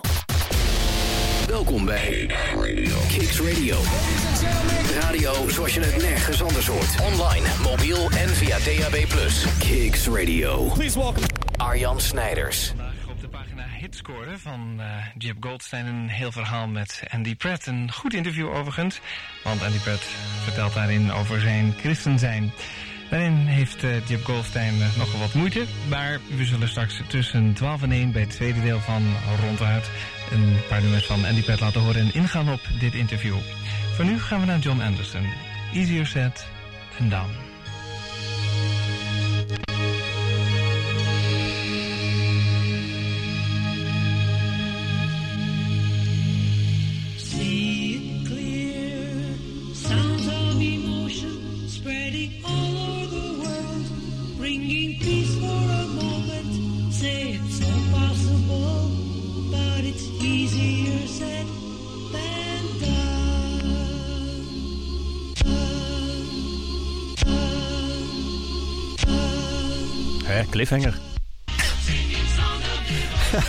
Ja, ehm, Jan van der Bos eh, bij de EO. Eh, maar waarom draai ik dit? Omdat dit een eh, heel veel eh, gehoord geluid was. tot diep in de jaren 90 eh, op de radio. Eh, de plaat bleef eh, hangen. Een tik. eh, eh, sloeg over. belandde wel eens in het etiket. Maar dit verhaal dat blijft hangen. En ja, super irritant natuurlijk. Vaak moet je dan de naald een zetje geven. Pff, gaat hij er een stukje overheen. En dan Ja. ja, ben je een stukje van het liedje kwijt. Het is niet meer voorstelbaar mensen. Maar dat was ja, ja, met, met het draaien van vinyl natuurlijk heel lang op, op Hilversum 3 en Radio 3 een dingetje. Ja. Dit brengt ons in uur 2 van show 53, de bonusaflevering over studiotechniek en muziek van eh, DJ's. Eh, het is eh, tien over acht voor de live luisteraars. Eh Sieband Verwer zit hier. Met veel plezier geloof ik, want Zeker, hij, lacht af en toe wel eens. Dus eh, volgens mij gaat het goed. Ja hoor. Ehm, nou heb ik een... Wel, ja, ik zei aan het begin van de show... ik ga niet fragmentjes laten horen van nieuwe studio's en eh, een nieuw apparaat. Want dat is een beetje saai. Maar over twee weken zit Willem van Kooten hier in de studio. Ja. En eh, dan ga ik een fragment langer laten horen... wat ik nu een kort stukje aanstip. Dat is de eerste stereo-uitzending in 1975. Met de eerste stereo-DJ-meubel eh, wordt dan ge- eh, eh, geïnstalleerd. En Willem van Kooten is degene die eh, dat eh, als eerste mag, eh, mag aanzwengelen. Dan hoor je meer van, eh, van dit stukje. Goedenavond en tot morgen, 6 uur 3, Hilversum 3. Landgenoten, het is zover. Een historische dag, woensdag 3 september 1975. Hilversum 3, geheel in de stereo. Drukt even uw stereoknopjes op de radio in. Of er moet een geel lampje gaan branden of een rood lampje gaan branden en dan is het in orde. Ik mogen het woord geven om te beginnen het officiële gedeelte. Dat had u reeds verwacht. Aan ingenieur Snoek, waarnemend hoofd technische dienst radio. Dankjewel Willem, dankjewel. Eh wel serieus graag, hè, want het is echt officieel. Ja, want ik heb er eh, dus toch niet, niet voor niets drie weken over mijn eh, speech gedaan. Hè? Dus serieus graag. Nou, het is dan vandaag een bijzondere dag voor Hilversum 3. Wat is er namelijk aan de hand? Er wordt nieuwe apparatuur in gebruik genomen, vervaardigd door de technische dienst radio. Ah, de sfeer uit dit eh, stukje eh, eh, past wel bij ons verhaal van net. Ja, ja, toch? je hoort zo'n zo'n meneer nog een weer wat ambtelijker praatje houden dan misschien op een popzender wel nodig is. En in hoeverre is het van belang om je luisteraar hiermee lastig vallen, te vallen. Maar goed, ik herinner me nog wel wat Willem hier zegt, eh, Joost en Draaier. je had inderdaad stereolampjes op je radio en dan kon je Ja, zien. ja, dat was een noviteit in het begin. Ach mensen, vroeger toch. En eh, ja, jij was als vervent FM-luisteraar in de middengolfjaren eh, vast ook blij met eh, de eerste stereo-uitzendingen. Ja, ja, ja. Dat moet je ook leuk gevonden Ook hebben. een, een verbreding van, eh, van je muzikale horizon. Ja. De TOS eh, ging gelijk zijn jinglepakket aanpassen. En die zorgde bijvoorbeeld voor deze jingle, die dus eh, het stereobeeld er Stereo. mooi uitvindt.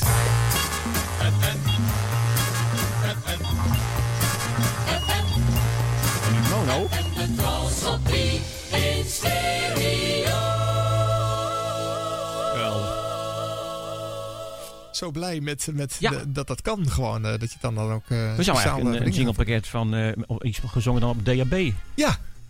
En wat- eh, hoe doen we dat, Siep? Nou, we, maken nu, ja, we hebben nu spotjes op radio en televisie, eh, digital, Let's Get Digital. Maar Ja. dit is eigenlijk veel leuker. Een beetje, Ja. een beetje over de top. Ja. is ook zo. Ja. En we hoorden net een, eh, een, een singeltje wat dan oversloeg. Ehm, in eh, 1982 werd de allereerste CD gedraaid op Hilversum 3 dan nog. Ja, en, werd, ja, op de Virato 82 werd de CD geïntroduceerd. Ja. Ja, en dat En- heette toen nog Omroep Wonderland. Dat was een, een halve hal ingericht op de Virato. Ja, Omroep Wonderland, eh, waar eh, radio televisie eh, vertoond werd. En ik weet dat, ik ben daar natuurlijk zelf ook heen geweest toen. Want Ja. toen, was ik, toen werkte ik daar nog niet. Toen ging ik kijken van, jeetje, dit wordt, misschien, eh, dit wordt het misschien voor mij. Ja, ja, ja. En ik heb daar toen inderdaad wel eh, toch met open ogen gekeken naar, naar de techniek. Eh, ook heel opvallend was dat toen voor het eerst de nieuwslezer, die nu elk uur eh, op elke zender te horen is, Ja. daar eh, te zien was. En dat was ook eh, heel bijzonder. Het klonk thuis dat je denkt van, hey, klinkt radio, dat klopt. Want je hoorde natuurlijk toch een hokje op een, grote, in een grote hal op de Virato. Klonk anders thuis, maar ja, daarna, dus dit staat dus te kijken naar iemand die het nieuws voorleest. Ja. En niet met z'n tienen, maar met 100 man. je, moest, je moest er dringend ook weer vooraan komen. Ja, Ja, ja, ja. 82, Virato, eh, augustus denk ik. Ja. Eh, Wim van Putten maakte bij de Tros de LP-show. Maar wat was hij blij? Hij kon ook CD's gaan draaien. Dus dat werd later ook de CD-show. En eh, dat vond hij wel een dingetje hoor. En eh, eh, een stukje van hoe hij dat eh, behandelde in, eh, in dat programma bij de Tros. Je hoorde David Gilmer op gitaar in L'Enfant van het album Persona van Lionel Bo- eh, Boyd. Als je wat moeite doet hier en daar in de winkel kun je dus de CD wegslepen. De laatste minuten van deze CD-show zijn voor een compactdisc die mij van de week bereikte per post uit Duitsland. En die werd me toegezonden door Chris Beckers, zo heet ook de CD. En eh, dat is ook de naam van de uitvoerende artiest. Chris Beckers is een Nederlands gitarist die hier geboren is in eh, oktober 1953. Maar 20 jaar geleden verhuisde hij met zijn ouders naar Duitsland. Hij woont tegenwoordig net over de grens in Duitsland in Nordhorn... waar hij zijn eigen professionele 24-sporen studio heeft. Het eh, meeste van de, het grootste gedeelte van de basistracks voor dit album... wat zijn vierde inmiddels al is, nam hij op in zijn eigen studio. Het is daarna zeg maar afgewerkt in Los Angeles. Eh, Wim. Nerd alert. Ja, ja, ja, ja. Alert. Maar hier merk je weer aan dat techniek ook een ding is dan. Hè? Ook Ja, voor muziekliefhebbers. Ja, eh, die, Ja. die DDD helemaal digitaal opgenomen CD's. En dan ging Wim ze draaien. Maar had maar één exemplaar. En dan wilden ze echt eh, live vanaf die CD draaien. Dus als dat een lang outro had van 20 seconden. En dan eh, liep het helemaal stil. Dan moest je wachten tot hij naar de volgende track ging. En als dat ook een langzaam intro had. Zat je gewoon een minuut naar stilte te luisteren. Wim- trouwens is een heel prettig collega mee te werken. En hij was eh, bij zijn eh, CD of LP-CD-show, eh, zijn dagprogramma schoof hij zelf. Ja. Maar de LP- en CD-show, dus wilde hij graag dat de technische dat schoof. Oké. Eh, vanwege het feit dat hij graag wilde dat er echt op de meter gelet werd. Oh, ja. Want eh, eh, we riepen net al iets over processing. Ja. In die tijd was processing was een vies woord. Niet alleen bij technici, maar ook bij programmamakers. In het omroepblad destijds, de spreekbuis, helaas ter ziele gegaan, was destijds een discussie gaande tussen, ik noem het even het kamp Wim van Putten en het kamp van Inkel. Van Inkel zegt van, hey yo, vet, de Innovonics, Moulinex en alle andere apparaten. En Wim van Putten heeft, nee, die cd die moet de zender op, zoals de componist het bedoeld heeft. Ja. Met zo min, mo- zo min mogelijk kastjes ertussen. Ja. En eh, inmiddels zijn we technisch aangeland in 1987, 88. Het Radio 3 Centrum met de mooie grote studio's. Blauw, paars, groen, mooie lampen, grote ruimtes. Eh, daar sloeg, sloegen we in de dienstverlening een beetje door. Eh, processing. De VARA wilde eh, zo min mogelijk processing. Want de VARA was voor kwaliteit popmuziek moest overeind blijven. De Veronica's waren natuurlijk van hey, zoveel mogelijk herrie ertussen. Ja. George en Peter, de Magic Friends, eh, de Magic Friends hadden een eigen combinatie verzonnen. Dat heette de Magic Box. Ja. Zo had je op enig moment vijf verschillende apparaten in het rek. Waarmee de technicus op afstand de betreffende 1, 2, 3, 4 of zelfs apparaat 5 kon schakelen. Eh, inmiddels waren we wel, even kijken, horizontaal oktober 92 hè, vanaf Ja. de Breakfast Club. Ja. Nou, toen we daar waren aanbeland, de Breakfast Club wilde toch een beetje eh, compact klinken. Dus dat moest dan op een stevig standje. Dat zal de Innovon- Innovonics standje C zijn geweest of zo. Eh, daarna kwam de arbeidsvitamine, dat moest iets milder. Ja.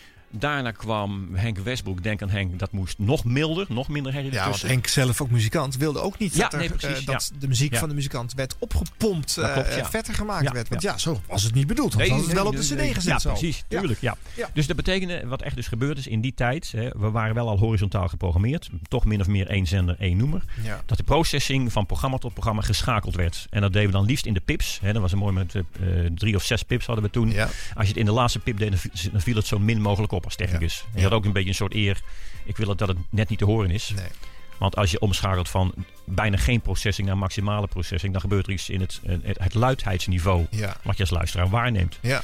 Dus je moest dan toch eh, even schakelen en dan de schuif even corrigeren. Dat het op de meter en bleef overeind bleef. Maar dan moest je eh, ja, eh, uitleggen aan een Amerikaanse radio-collega. die zegt van ja, wat heb jij voor pillen geslikt? Dat, Hoe bestaat het dat je op één zender vijf verschillende soorten processing toepast op één dag? Ja, ja, ja. Want Geweldig. Het, het, was, het klonk daardoor ook echt heel wezenlijk anders. Het ene was relatief zacht voor je gevoel. En het andere was alsof je naar een commerciële hitzender aan het luisteren was. Eh, en alles daartussen. Dus, Ja, eh, ja. Ja, ja, ja, ook elke DJ had zijn eigen standje ook, hè? Oh ja, ja, ja. ja, dat, heb je, dat, dat heb je nu af en toe nog wel. Eh, kijk, een microfoon, eh, die moet natuurlijk eerst weer een processor in. Een kastje wat het microfoongeluid een beetje compact maakt. En een beetje een microfoonprocessor, zo heet zo'n kastje, heeft presets. Hè, net als tegenwoordig elk apparaat een preset heeft. En de ene disjockey, eh, Frits Spits, die produceert meer volume dan Henk Westbroek. Dus dan moest die microfooninstelling worden aangepast. Een heel mooi apparaat was ervoor. Dus we hadden een boek, letterlijk een boek, met de standjes. Disjockey A, nummer eh, preset 33, 34. Ja. En wat natuurlijk ook wel eens gebeurde, een nieuwe programmamaker. Ja, ik wil eigenlijk net zo klinken als eh, Jeroen van Inkel. Nou, dan moet je die presetten, die kopieerde je dan. Maar soms was het ook zoiets van eh, allemaal hetzelfde standje. En dan hoor je het verschil soms toch niet. Dus er zit ook een hoop eh, tussen de, de- Klinkt het zo beter?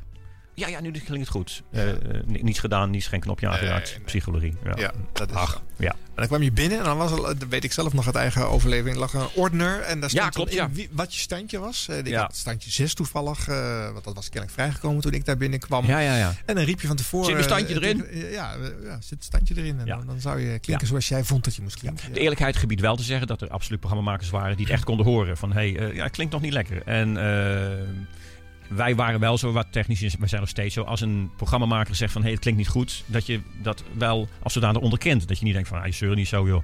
Ja. Maar het kan ook hoor, eh, gebeuren. Destijds had ik dat met Corné Klein. Ja, ik weet niet wat het is, maar nee, het klinkt niet goed.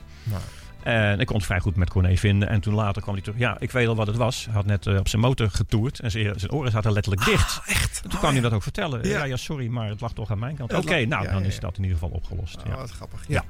Oké, dus maar goed, je, de klant was koning, dus je Ja. bracht en je leverde al die eh, standjes en Ja, al hoor. die eh, eh, apparaten om, om dat geluid maar te leveren wat, eh, wat besteld werd. eh. Er waren natuurlijk ook, eh, die hebben, ik heb net verteld, de technicus zat vaak alleen maar gewoon te wachten tot het nieuws weer erin eh, gezet mocht worden. Maar er waren natuurlijk ook genoeg technici die programma's wel helemaal eh, eh, van A tot Z eh, schoven bijvoorbeeld. Hè. Je noemt de Breakfast Club bijvoorbeeld. Dat Geweldig. Was een, eh, ja.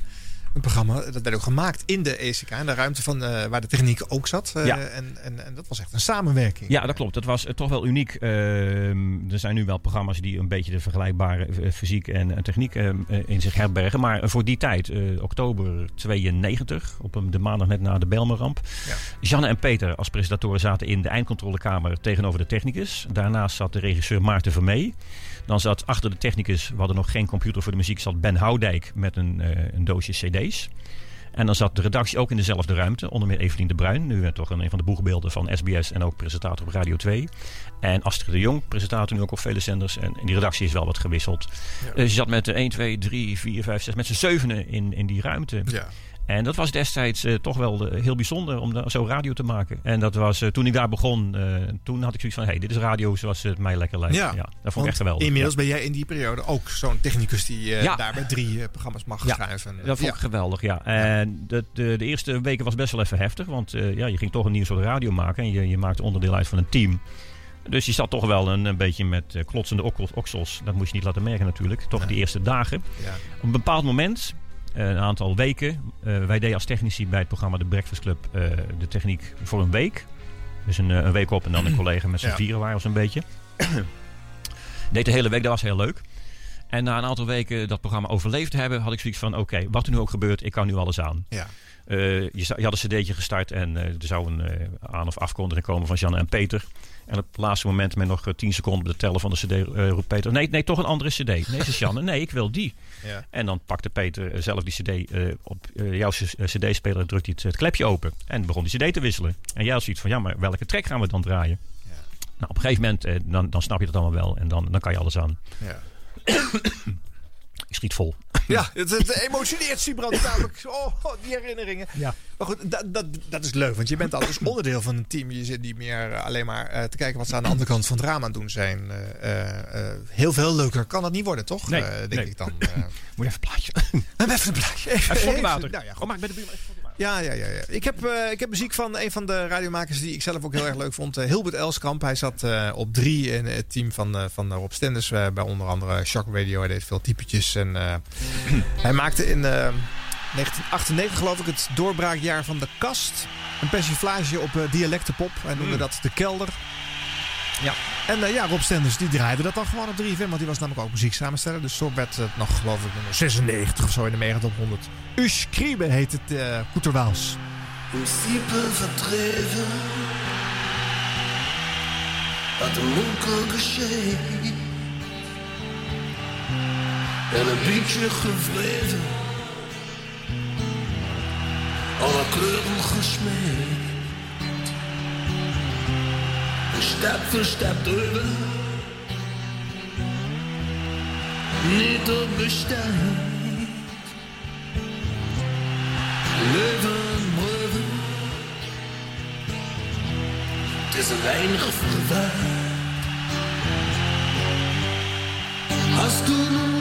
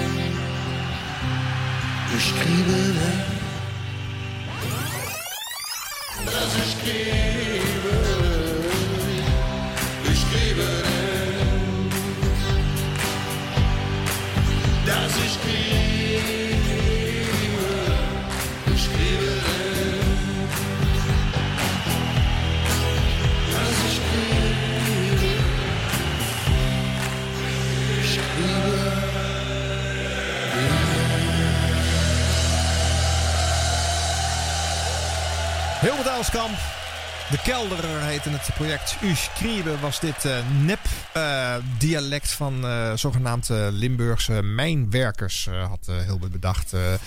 Check de videoclip nog eens en zie eens wie de toetsen speelt op YouTube, mensen.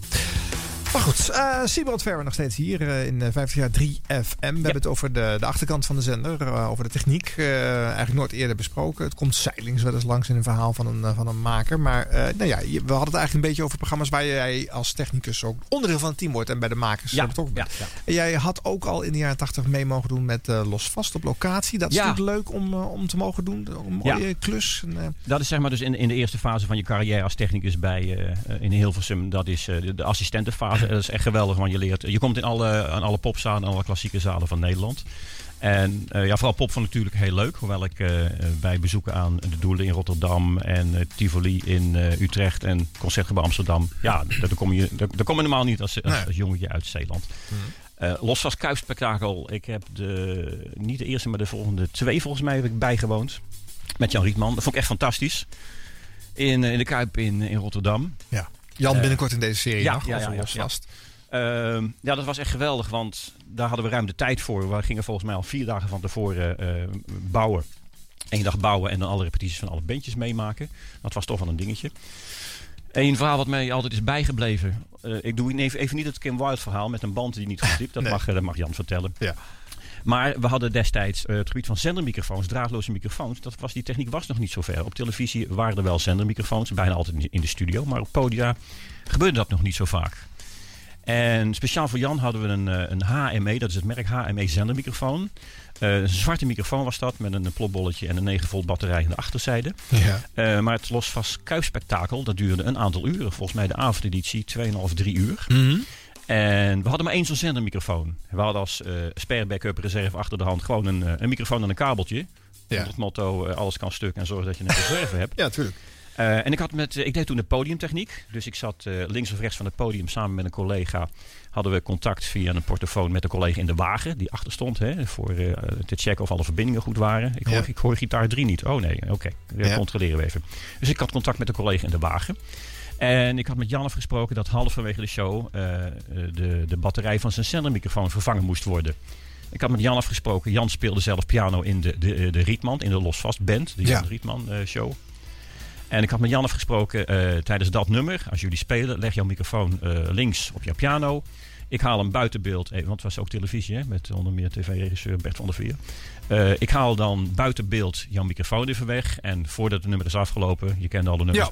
3,5 minuten, zorg ik dat die, eh, die microfoon weer voorzien van een nieuwe batterij weer op die plaats ligt. Ja. Dus ik pak die microfoon, eh, een beetje tikt af. En ik loop naar de zijkant om de batterij te wisselen. Alleen ik laat hem uit mijn hand kletteren. Ah, ja. Nou, dat is nog niet zo erg. Valt hij op het podium? Nee, hij viel door een gat. Door het podium. En het podium is nou een meter over 3,5, 4 hoog. Oh my. Ja. En dan sta je dus, eh, ja, zoiets van, eh, ja, wat ook. Ik moet zorgen dat voor het einde van eh, dit nummer moet ik die microfoon terug hebben. Onder het podium was donker. Ik had gelukkig wel altijd een zaklampje bij me. Ik moest dus ergens halverwege een, een toren onder het podium klauteren. Ja. Op zoek in het donker naar die microfoon waar die ongeveer gevallen was. Tijdens het vallen hoorde ik over de, de PA-installatie, dus de, de installatie van het veld, hoorde ik boem, boem, boem, boem. Die, microfoon viel naar beneden. Ik sprak later de technicus nog die geen idee had waar het geluid vandaan kwam. Oh, ja. Eh, want die had de microfoon open laten staan. De Ja. collega in de wagen had hem wel dicht. Ja. Maar die gaat natuurlijk niet controleren of die microfoon het nog doet. Nee. Dus ik ben toen eh, naar onder geklauterd. Heb gelukkig met mijn zakslampje die microfoon teruggevonden. Ergens in het gras, onder het podium in de Kuip. Eh, met die microfoon, eh, ik denk ergens onder mijn oksels of in mijn broekzak weer naar boven geklauterd. Op zoek naar het batterijtje. Ja. Toch eh, licht trillend. Mhm. Naar de zijkant van het podium. Gelukkig eh, het batterijtje kunnen wisselen met trillende handen. Gecontroleerd of hij het deed. Hè. Ergens op de zijkant van het podium staat het ontvangertje met een antenne. Dat je kan zien als het wijzertje uitslaat. Dan doet je microfoon het weer. Ja. En ongeveer in de laatste 20 seconden van het nummer van de, de Rietman eh, van de Losvast Band. Weer de microfoon.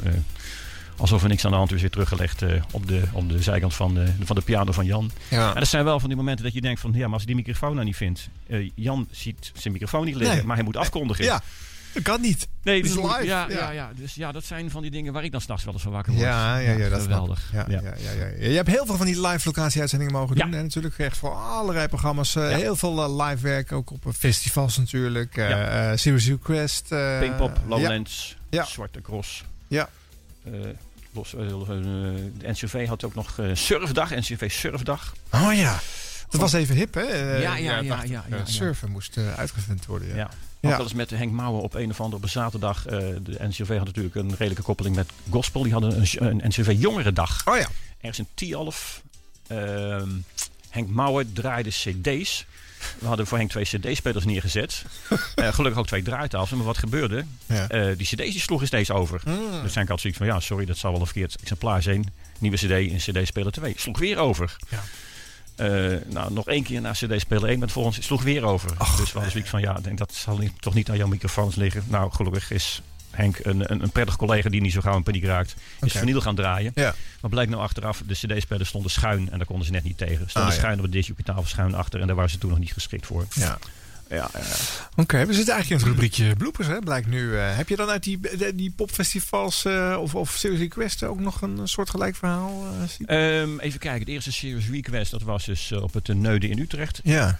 Eh, nou, dat viel wel mee. Ik weet alleen wel, eh, wij zaten toen, even kijken, het eerste editie Glazen Huis in een hele kleine porta cabin, een enkele porta cabin. Daar zaten we met de techniek, regie en redactie. En eh, we zaten echt met z'n allen naast elkaar. En we hadden zoiets van, ja, dit, dat, dat kan allemaal wel, maar dat groeit allemaal steeds groter. En Ja. ik weet wel, er moest er weer een kastje bij, want er kwam er weer een, een bandje spelen. Dan moest er weer in de technische ruimte, dus backstage, dus niet waar de disjockey zat, moest weer een, bijvoorbeeld een deurbel worden ingestart vanaf een bandje. Dus Oh moest ja. er weer een, een cd-speler of een ander apparaat. Weer, eh, zodat de regie zelfs weer iets kon starten. Mhm. Dus dat groeide tot een wirwar aan kastjes en kabels. En dat dacht- ontstond tijdens de show, Ja, hè? tijdens de, tijdens de de show. eerste editie Ja. was dat eigenlijk helemaal niet van tevoren voorzien. Dat was voortdurend improviseren. Ja. En tijdens de, een van de nachten is toen ook eh, de, de muziekcomputer uitgevallen bij, eh, in het glazen huis zelf. dat is ook een leuke, ja. Ja, en die, eh, die hadden we er toen nog eh, maar twee. En die andere die was ergens anders in gebruik. Dus ik weet dat er toen een eh, collega van onderhoud s'nachts uit een bed is gebeld. Moest eerst de computer ophalen. Ja. Om hem weer terug in Hilversum eh, te zinken. Met, eh, met de database. En toen Oh, weer ja. terug. En toen is dus de muziek vanuit eh, de studio in Hilversum gedraaid. Ja. Ja, ja dat, zijn, dat zijn wel dingetjes. Daar zat wel de hele tijd iemand, lijnbewaking heet Ja, maar dat- ja, ja, ja, maar- klaar voor als er iets zou uitvallen. Kijk, ja. je zit op locatie. Het grootste probleem op het Neun in Utrecht, dat verwacht je niet. Want er wordt elke week ook de markt gehouden. Dat is wie ik zei van nou, stroomvoorziening, dat Ja. kan geen probleem zijn. Want er staat elke week de patattent. Ja. En, eh, al, maar, maar dat was het grootste probleem eh, toen we gingen bouwen. Eh, dus we hebben het al over december. kwam de gemeente en die trok daar een, zoals het heet, een paddenstoel. Een hele grote stroomkast uit de vloer. Want er kwam ook een hele bus water mee. En de producer van het Glazen Huis, Michael Steur, had zoiets van... Nou, dit vertrouw ik toch niet. Die heeft toen, vlak voordat we gingen zenden... toch nog maar even een aggregaat besteld. Mhm. Dus we moesten alle stroom weer omleggen. Oh ja. Ja, nou Ja. dat dus. Ja. Ja, en dan moet je gewoon, hè, dat moet. eh, Het moet. Dus Ja, ja, ja, ja. dat hoort ook wel weer een beetje bij. Hè? Ja. Maar je maakt wel heel veel leuke dingen mee hoor. Zo, Ja, eh, ja, ja, ja, ja. ja. Ehm, maar nogmaals, ja, je hebt toch allemaal wel de, de eer van je vak. Zijn er nou, de- als jij nou maar zou vragen, waar je woont nog wel eens nachts wakker van? Eh, nog even, even terug in de tijd mag wel, hè? Ja. Vroeger, toen hadden we dus 220 technici, radiotechnici in dienst. eh waren dat niet een beetje veel? Als voorbeeld, de sterreclame, die werd gedraaid vanaf een bandje. Ja. En elke dag waren er drie technici bezig om van alle sterspotjes, allemaal eh, kleine bandjes, één verzamelbandje te maken. Dus dan stond je in een, eh, een, eh, een studio met, ik geloof, acht bandmachines. Mhm. Kon je dan acht spotjes opleggen. Eh, spotje 1 start, tussenpingel met de hand starten, Ja. spotje 2. En dan had je soms sterblokken van vier minuten. Dat, dat waren geen acht bandjes, dat waren er twaalf. Ja, dus je moest nog eh eraf halen en weer erop Ja, nou, dat de- was het de sport om dat zo snel mogelijk te doen. Ja. Eh, om, want als je moest stoppen, dan moest je dat weer oppakken. En dan moest je weer een, een knipje maken. Dus dat was al de sport om dat zo strak mogelijk te doen. En wat ik wel leuk vond als ik de ster monteerde voor, eh, voor Radio 3, om het lekker strak te doen. Dus voordat het spotje was afgelopen, eh was de tussenpingel. Ja. En het volgende spotje gelijk doorstarten. Ja. En ik heb toen een memorandum gekregen, een memorandum thuis bewaard. eh, dat het iets te strak was. Ja, er waren klachten gekomen van de ster dat eh, de bedoeling was dat elk spotje separaat werd uitgezonden. Ja, ja, wat ook formeel zo was, geloof ik. Want eh, Ja, ja, ja, ja. er moest ook een pingel tussen. En de mensen moesten allemaal begrijpen dat, dat het ene klaar was en het andere weer begonnen was. En dat het allemaal vooral helemaal niets te maken had met de inhoud van de publieke omroep zelf. Natuurlijk. Maar ik kreeg toen wel in die tijd de complimenten van een paar Radio 3 programmamakers, disjockeys, die zeiden van, dat doe je lekker straks al. Ja, ja, die viel dat natuurlijk op. Ja, ja, ja, dit is echt lekker nerd hoor. Ja. En, en dan nog even eh, dat verzamelbandje dus. En eh, een bandje eh, van ongeveer drie minuten. Dat, het sterblok, dat werd dan gestart in de eindcontrolekamer. Hè, wat jij dus in elkaar had gemonteerd. Ja. Later, als ik eh, ook de dienst had in die eindcontrolekamer, moet je zelf die ster starten. En een droom waar je dan wel eens last van had destijds. die ster, de ster is heilig bij, bij techniek. Hè? Want Ja. dat is, als je een fout maakt met de ster, dat is, moet je een rapport maken. dan moet je geen twee keer doen, want dan moet je iets komen uitleggen. Dan moet een brief naar de ster. Allemaal officieel, formeel. Ja. Dat wil je niet. Nee. En eh, dan, de, in een droom had ik wel eens, dan zat je in de ECK, dan moest je die ster starten. En dan kwam er een hele aardige collega tegen, eh, kwam op bezoek. En die ging op de machine zitten waar het bandje op lag van de ster. Ik zei, maar ga dan van die, ik moest zo de ster starten. Ja, dat weet ik wel, maar moet je eens luisteren wat ik nou gisteren had. Nee, Ja. ik moet de ster starten. Nee joh, laat maar even die ster. Ja. Eh, nogmaals, een, een sterfout, dat wil je niet. Nee, nou tegenwoordig komt het uit de computer. Ja. Scheelt, Ja. Ja, ja, ja, Kan ook nog misgaan hoor. Maar eh, ik heb ooit één keer een sterblok vergeten. Nee, maar dat is wat, al een recenter verhaal uit op Radio 2. Dus dat hoort eigenlijk niet in deze serie. Maar toen werd ik dus gebeld vanuit eh, de eindcontrole... die inmiddels niet meer eh, bij het station zelf zit. Nee, eh, klopt, maar centraal. eh, centraal ergens eh, op het Mediapark... eh, dat ik het de, blok van vergeten was. En dat is natuurlijk een doodzonde. Dus Ja. het, eh, het, het tweede, tweede blok daarna, ja, die werd eh, dubbel zo lang. Ja, dat klopt, ja. En dat was de enige eh, manier. ja, ja, acht minuten reclame achter elkaar. Formeel mag dat niet, maar eh, ja, we moesten wel eh, op dat moment. Precies. Goed, lekker een beetje nerden. Maar dat, ja, en, en, en ik weet nog wel dat eh, als jij die ster instartte als technicus, dan was je als DJ niet op de zender. Hè? Dan Klopt. was je even van de zender afgehaald, van de lijn zodat je daar niet doorheen kon tetteren per ongeluk. ja. Want dat zou inderdaad wel eens mis kunnen gaan. Ja. Een hele enkele keer werd het wel eens vergeten en dan ging het ook mis. Want dan ging je ervan uit dat je niet op de zender zat. En dan, Toch op de zender. Ja. Of, eh, of als er een eh, uitzending vanaf locatie was. Maar er zat in, in, eh, in, de, in, de, in, de, in het audiocentrum ook een DJ. Proef te draaien. Ja, proef te draaien of iets op te nemen. Of 80 keer hetzelfde in te spreken. En Ja. dan werd het per ongeluk ook op de zendlijn gelaten. Alles wat fout kan gaan, gaat een keertje fout. ja. Hey, en, en de noodband, dat is ook zo'n ding. Oh ja, ja, dat is ook een leuk verhaal. Ja. Ehm, even, ja, tegenwoordig is de noodband geautomatiseerd. Als Ja. op een radiozender, of het nou op Kix is of op Hit Radio 1, het een aantal seconden stil wordt, dat is allemaal in te stellen met een kastje. Ja. Dan gaat er ergens een, een kastje lopen. De, de, de noodband heet dat. Ja.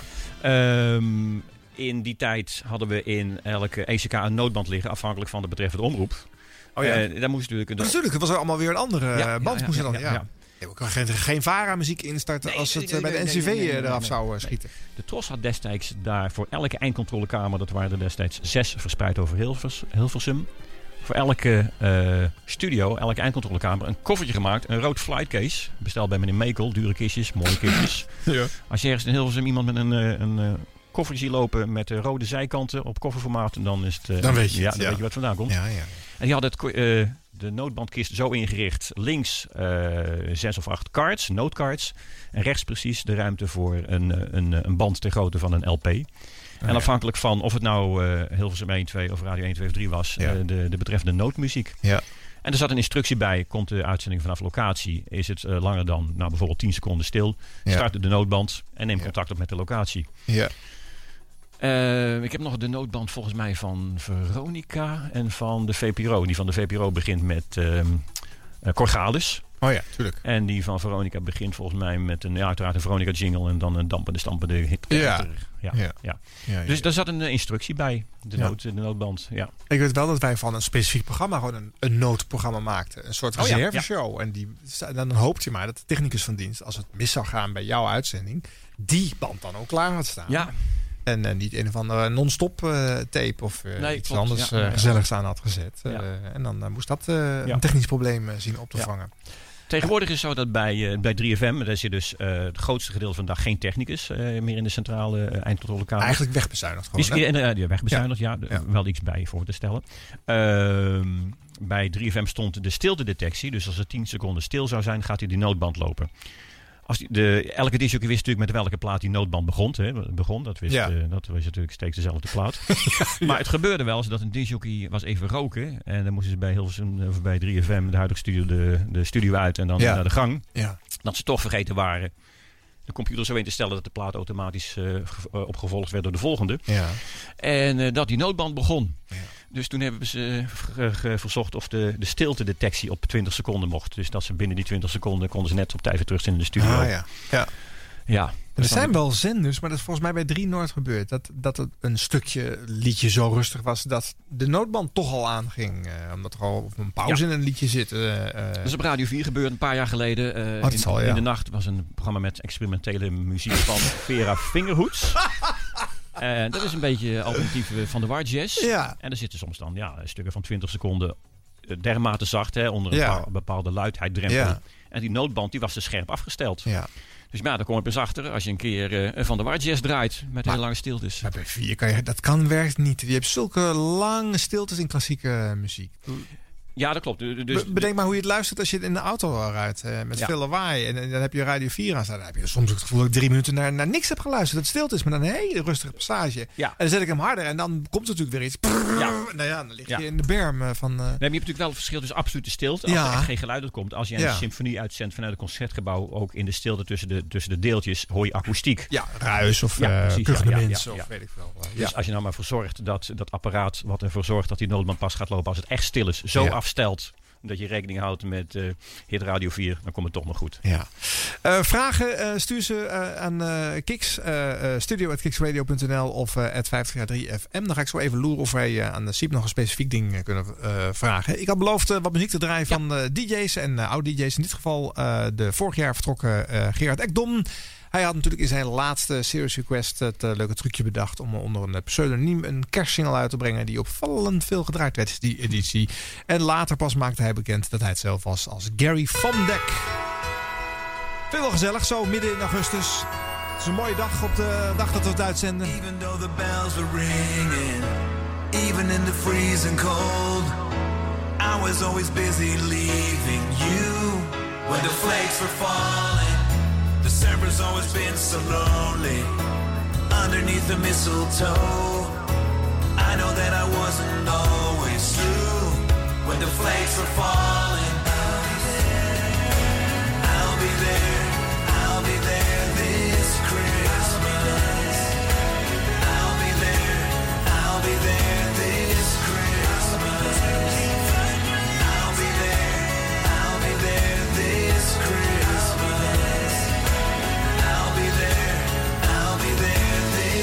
Christmas. Hieruit leuk hoor. Gary Van Dijk, I'll Be There This Christmas eh, 2014. Het werd natuurlijk nog een hitje omdat het op eh, 3FM eh, gedraaid werd eh, en eh, veel aangevraagd werd eh, eh, toen bij eh, Serious Request.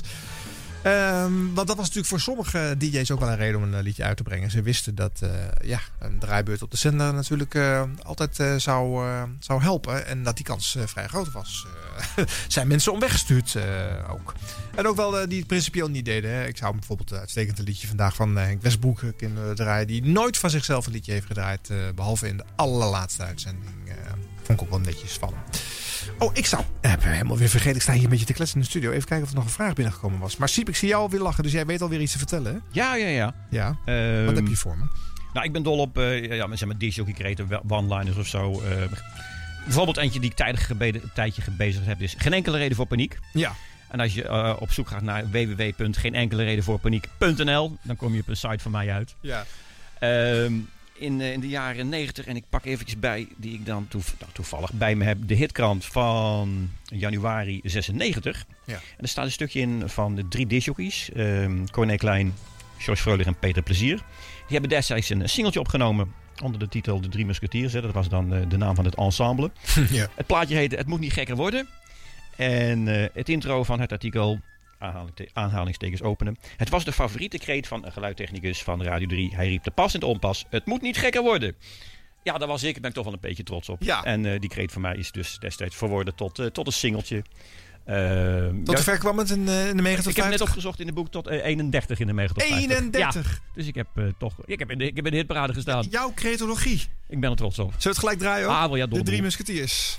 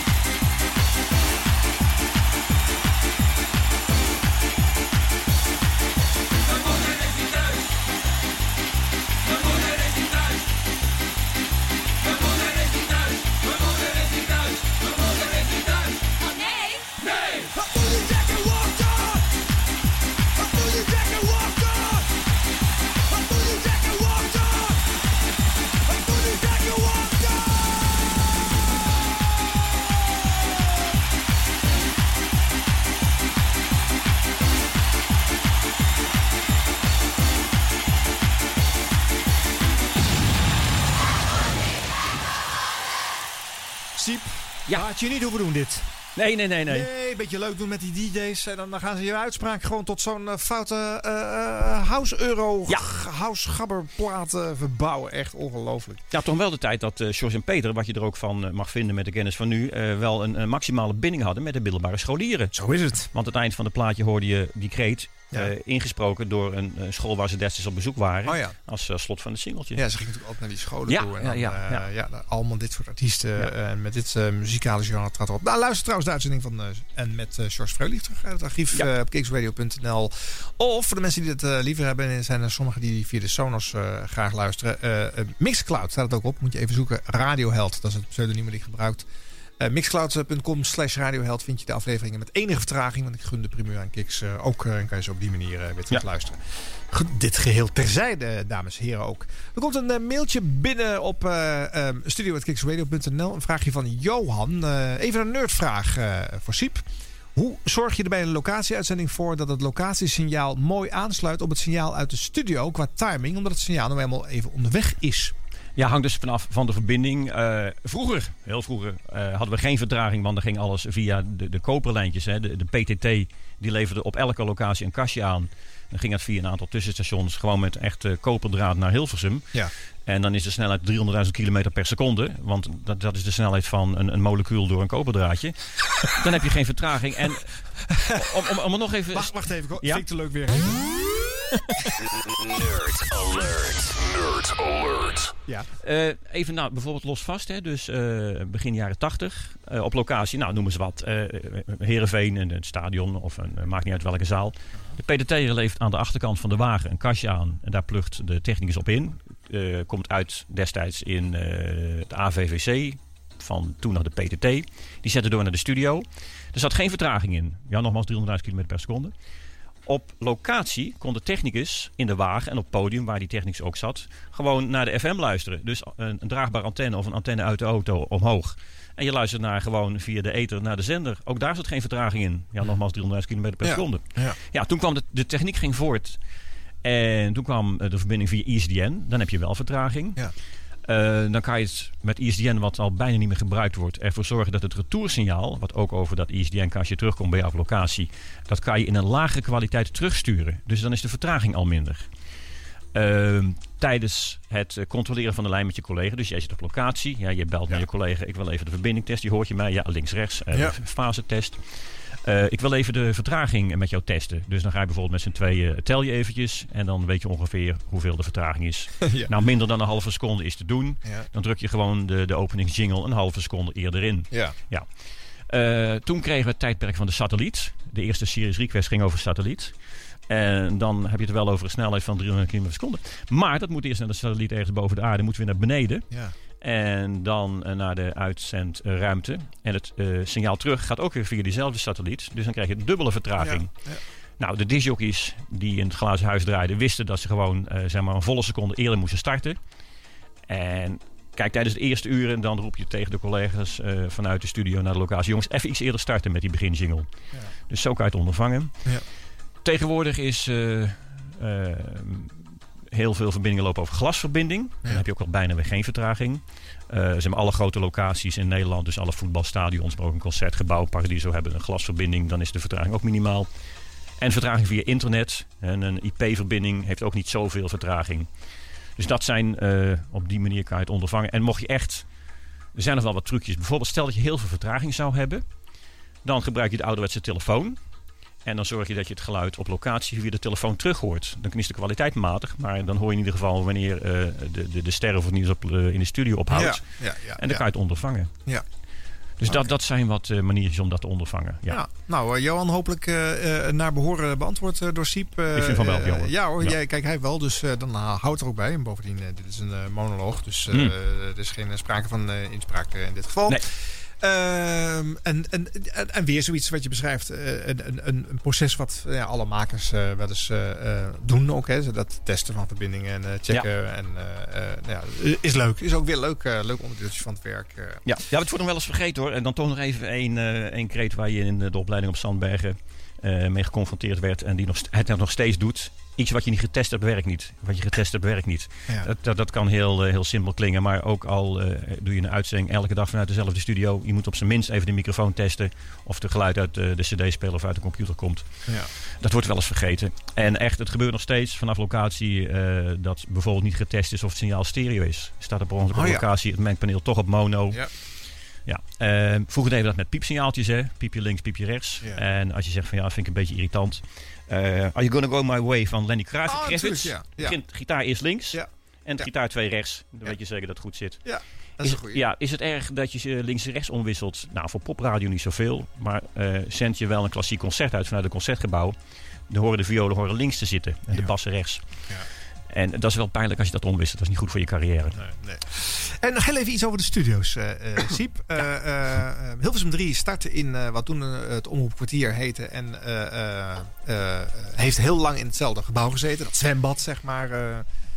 wat nu nog steeds daar staat. Omdat het geloof ik een, Muziekpaviljoen, een ja. Rijks, Rijksmonument Ja. is geworden. Nou, het, het is wel leuk. Het is begonnen dus als muziekpaviljoen. Ja. Toen in de kader van de modernisering is het audiocentrum gaan heten.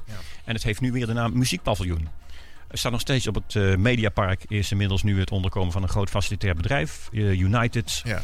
En tot voor kort zat ook Sony in dat gebouw. Het, is, het gebouw is inderdaad eh, behouden voor de toekomst. Omdat het een, ja het heet officieel, ik geloof een beschermd, het is geen rijks, het is geen monument, maar heeft een beschermde status. Ja. Gelukkig maar. Ja. Vind ik leuk hoor. Vind ik leuk, want het heeft zo lang gezeten. Ik heb eh, mijn boek daar ook gepresenteerd. eh Ja, ik exemplaar weet daar het, laten uit. Dat was gewoon leuk daar. Ja. Ehm, uiteindelijk is de verhuizing naar de Paperbus eh, in, in, in 2003 Vier- of vier. 2004. Januari eh, aan de hand. 2004, ja klopt. En ehm, voor de makers ook wel een dingetje. Want twee jaar daarvoor is Pim Fortuyn op de parkeerplaats Pal naast de studio vermoord. Dus de, dat, dat gebouw en die plek is wel op mm, letterlijk en figuurlijk besmet terrein geworden. En eh, de Paperbus ook wel, eh, heeft wel een nog lossere sfeer. Want dat, Klopt, dat zwembad en eh, wat het was, hè, dat, dat toch een beetje ouderwetse gebouwtje. Het was geen gezellig onderkomen. Nee, dat Nee, matchte klopt. gewoon Nee, niet meer. nee. Zo. Jij hebt al die hokjes meegemaakt. Heb jij nog een voorkeur voor een van de studio's? Ja, eh, die studio die we net beschreven, de trapje af met die grote disjockeyruimte, die paars, vond ik wel heel mooi. Eh, toch wel heel bijzonder. Omdat het echt een Jukebox, mooi- eh, deuren Ja, de jukeboxdeuren. Ja, ja. Ja, ja, check mijn site sheepco.nl. Hele mooie foto van de jukeboxdeuren. Eh, nog even ehm, de verhuizing naar de, de huidige Peperbus. Allereerst op de derde verdieping. Daar was ik samen met Ivan Reuvenkamp, grote baas nu bij Q-Muziek. Eh, mocht ik zat in de commissie over na te denken over hoe we de ruimtes gingen indelen. En daar was een mevrouw bij, wat toen nog publieke omroep heette. Geen NPO, maar gewoon PO, publieke omroep. Die had zoiets van, nou, dan zetten we die studio voor de DJ's eh, aan de achterkant. Dan kijken ze gewoon eh, tegen de ramen van het eh, gebouw aan tegen de kantoorruimte. Want Ja, die, leuk. Ja, die DJ's zitten maar twee uur. En die muzieksamenstellers, die zitten daar een hele dag. Oh ja. En ik weet dat ik samen met Iwan een zoiets hadden van, dat moeten we niet doen. Kijk, die DJ's die worden geïnspireerd door dat wat ze zien. Ja. Dus samen met Iwan ben ik toen terug geweest naar die mevrouw. Ik weet niet meer hoe ze heette. Het was wel een mooie mevrouw en ze reed in een Citroën. Dat vond ik ook wel mooi. Eh, hebben we haar weten te, ver- te overtuigen dat het beter was voor de programmamakers. En echt niet voor ons, voor de technici, de producers of de regisseurs. Dat die disjockey toch naar de andere zijde van eh, de peperbus keek. Dus hij kijkt nog steeds gelukkig uit op een eh, iets levendig deel van het Mediapark. Ja, ja. En dat, ja, dat vond ik wel... Je ziet eh, wat groen hebt door ja, voor weer ja, het is. En eh, het ziet er wat minder oostblokkerig eh, uit. Hè? klopt, Want eh, er staan rondom de Paperbus wel een paar gebouwen waarvan je denkt, nou, is de Sovjet-Unie, eh, de jaren klopt, 50 ja, ja. eh, Maar gezelligheid. dat was wel een dingetje waarvoor ik eh, samen met Iwan eh, dus wat eh, moeite heb gedaan. En waar, ja, waarvan ik zeg, ja, ik ben toch wel blij dat dat gelukt is. Ja. Dat soort zaken. ja, het, het lijken details, maar het is heel belangrijk. Want Ja. sfeer is eh, ontzettend eh, relevant voor uh, Ja, radio-uitzendingen. ja, de ja. uitstraling van het station, voor alle mensen die er langskomen, de muzikanten, noem het maar op. Dus zo'n keuze is eh, uitermate relevant. eh Ja. Siep. Het is eigenlijk heel erg leuk, toch? Dat je zo aan de achterkant eh aan zulke belangrijke dingen hebt eh, kunnen meewerken. Ja. Top. Nou, eh, zo nog meer en dan gaan we afsluiten. Maar eh, ik heb nog een paar eh, liedjes ook van, van DJ's, oud-DJ's van de 3FM. Wat dacht je bijvoorbeeld van Robin Albers? De- diverse mensen vroegen erom op Twitter. Hij gebruikte zijn alter ego JD en had, nou ja, toen hij weggestuurd werd bij de AVRO. Hij had het eerste houseprogramma op de ja, radio ja. gemaakt. Voor Those Who Like to Groove. Ja. Toen hij daar weg moest, is hij ja, zelf muzikant geworden. En dit werd een knijter van een hit, mensen. Plastic Dreams, JD.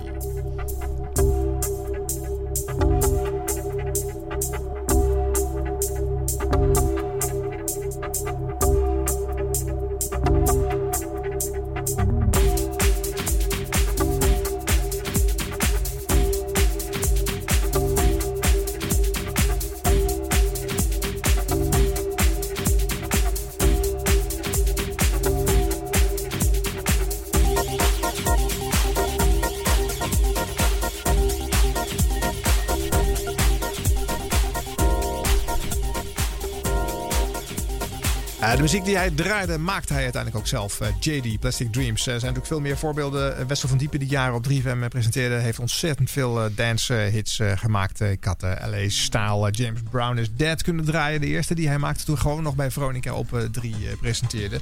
En de eh, Venga Boys? De Venga Boys. Eh Boys. strikt genomen zat hij toen al bij 538. Maar eh, ja, dat, eh, dat- aan het begin zei ik nog, DJ's zijn eigenlijk gem- gemankeerde muzikanten. Maar soms Ja. kunnen ze er eventjes eh, aan proeven. Hè, op, Ja. op, op deze manier, eh, door toch eens een liedje uit te brengen. En soms ben je eh, nou ja, al eh, verzekerd van, van, van airplay. Omdat je nou eenmaal eh, enige status hebt eh, op dit terrein. En ik zei net even tegen jou, Siep. eh, Ja. eh, op dit eh, muzikale idioom is er nog wel meer te halen. Eh, zo was eh, Bart Arends eh, eh, eh, jarenlang op 3FM te horen. eh, onder andere van de Mega Top 50. Ook eh, dance producer. eh. Dit is bijvoorbeeld eh, uit zijn ko- koker. Met nummer 6 in Engeland. Lock and Load, Blow Your Mind. Zoek de Club Caviar Radio Edit. En dan weet je, dat heeft eh, Bart Arends in elkaar geknutseld. Nou goed. Is toch grappig om te weten. Ja. Ehm, even kijken, wat is nog leuk om even te zeggen. Eh, Michiel Veenstra dat, eh, heeft recentelijk op Concert at Sea eh, gezongen. Eh, dan kan je even checken, zijn eh, radio-dj's eigenlijk wel zangers? Het was een uitdaging om het te gaan doen. Ed Struilaert schreef met hem een, liedje. Dat heette Done Looking for Words. Bluff stond in de studio eh, op zijn vingers mee te kijken. En hij zingt dit live eh, op eh, Concert at Sea. Even een stukje. Me and my big mouth again. I don't think this will ever end. Oh, why'd I say those things to you? Making promises are hard to keep, but this time I'm in too deep. Bitten off more than I can chew. Dan zeggen wij niet onverdienstelijk. Ja, je vindt het wel prima? Ik vind het wel leuk, ja. Het even gemist?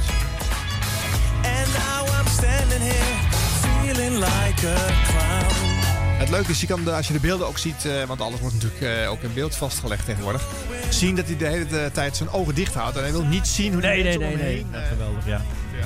Wat ook wel leuk is, eh, De Witte Raven, dat was destijds een productie van het Ruud de Wild team. Oh ja. Eh, wie, wie bent u? Ja. Eh, het verhaal dat Hebben wij gedraaid in de uitzending dat Ja, ja, zijn team hier was? Ja, Dat klopt. Ehm, dus volgens mij ging Jeroen kijkende vechten naar eh, de woonplaats, eh, de wo- het woonhuis van eh, Ron Brandsteder. En die belde aan Ja. en Ron riep door de intercom, wie bent u? Ja. En Ron was heel boos destijds. En het leuke is dat eh, nou Jeroen kijkende vecht op Radio 2 werkt en, Jeroen, en eh, Ron Brandsteder op Radio 5. Ja. En dat ze elkaar eh, dan elke week tegenkomen. Ja. Ja, dus- is er al over gepraat? ja, dat, dat vraag ik me dus af. En, Nou- en ja, wat ook heel leuk is, halverwege dat singeltje, De Witte Raven, wie bent u? Ja. Hoort u dan iemand roepen van, "Eh, hallo, ik ben uw technicus. Ja. En dat ben ik niet, maar dat is Paul Rabbering. Dat klopt, ja. Ja, die was toen nog eh, geen presentator, maar Nee. eh, die produceerde de, de spotjes bij. BNN. Ja. Ja. Nou, nu je het over Jeroen kijkende vechten hebt, eh, hij maakte ook dit. Kut, het wordt weer kerst. Oh ja. Het wordt weer kerst en daar heb ik een liedje over gemaakt. Minder dan een minuut, dus dat kan wel even. Ja. In de bomen en gezelligheid in huis. Familie op visite, lekker hangen voor de buis. De winkels zijn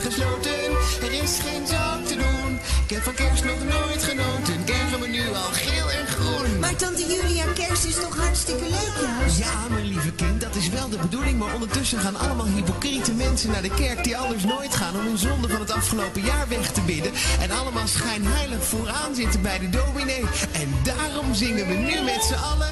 Kut, het wordt weer kerst. Kut, het wordt kerst. Kut,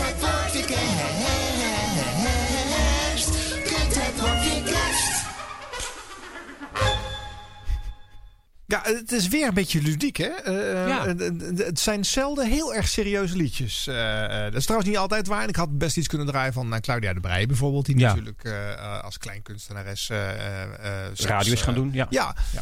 ja. en eh, op een gegeven moment was het meer radio dan zingen. eh, eh, maar dat is nu weer helemaal eh, omgedraaid. En eh, dat gaat eh, nou ja, uitermate goed. Want eh, ze staat zelfs in de top 2000 eh, helemaal In de top in 10. de top 10 hè? Ja. Wauw. Eh, dus dat gebeurt ook. Eh, Henk Westbroek memoreerde ik net al. Eh, dat soort mensen zijn er natuurlijk ook. Een leuke buitenklasse is nog wel T. Schippers. Ron Flon Flon. Ehm, heeft meerdere singles en albums, cd's uitgebracht. En was natuurlijk totaal ontoegankelijke muziek. eh ehm, eh, Kloes van Mechelen zette dat in elkaar. Ehm, alleen maar gedraaid ook bij de VPRO zelf. Wat een lul. Van de Gleufjes uit eh, Ron Flon.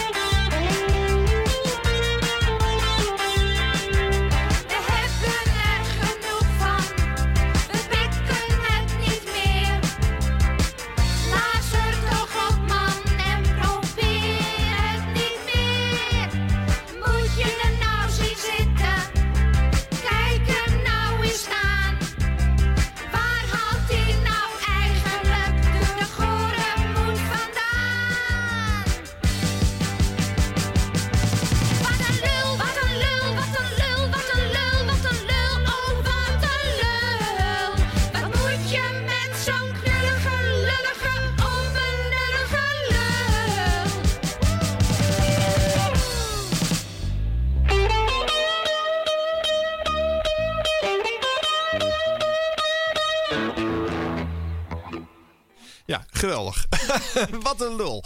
Eh, de gleufjes heten het. eh.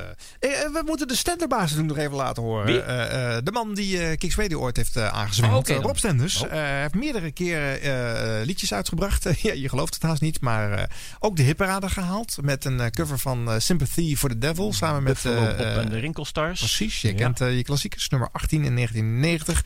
Samen met Jeroen van Inkel. Ja. Maar deze is wat minder bekend. De Speaker Sluts. Je hoort ook eh, Fred Siebelink eh, uitvoerig meebrullen als eh, Fred Cassette. Ja. Fred is groot geworden in de Utrechtse band The Burning Poodles. Jij zegt het. Ja.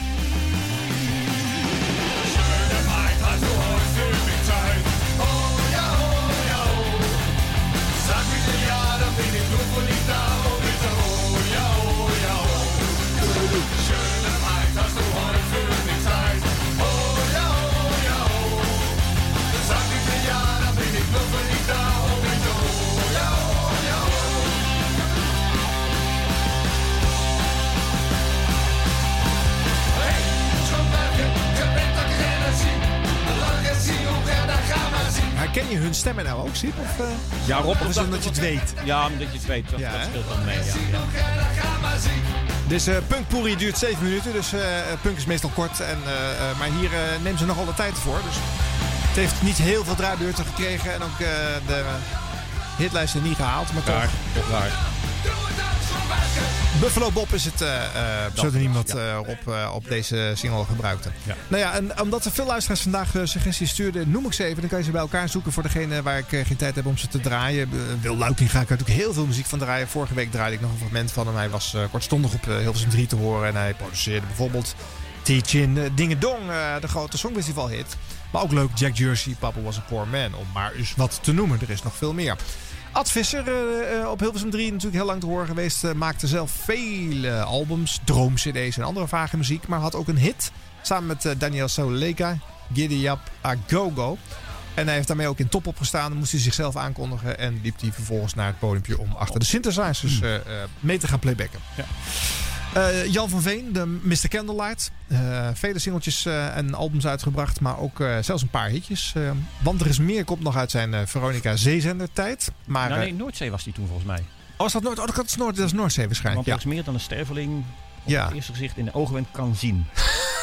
Weet je ook gewoon weer. Ja. gratis was in 1976 ook nog een hit in Duitsland. ja. Met Patricia Pai als de, de moeder die steeds antwoord gaf. Oh ja. Ja, waar zingt Patricia Pijn in de jaren 70 niet ja. mee? Eddie Becker, maar ja, dat is ook weer uh, ja, wat? de jaren 70. Ja. Wat zong hij dan? De, de Rodder van de Stad, maar dat is ook weer de zeezendertijd van Oh, zeezendertijd. Ja, ja, dan doen we niet mee.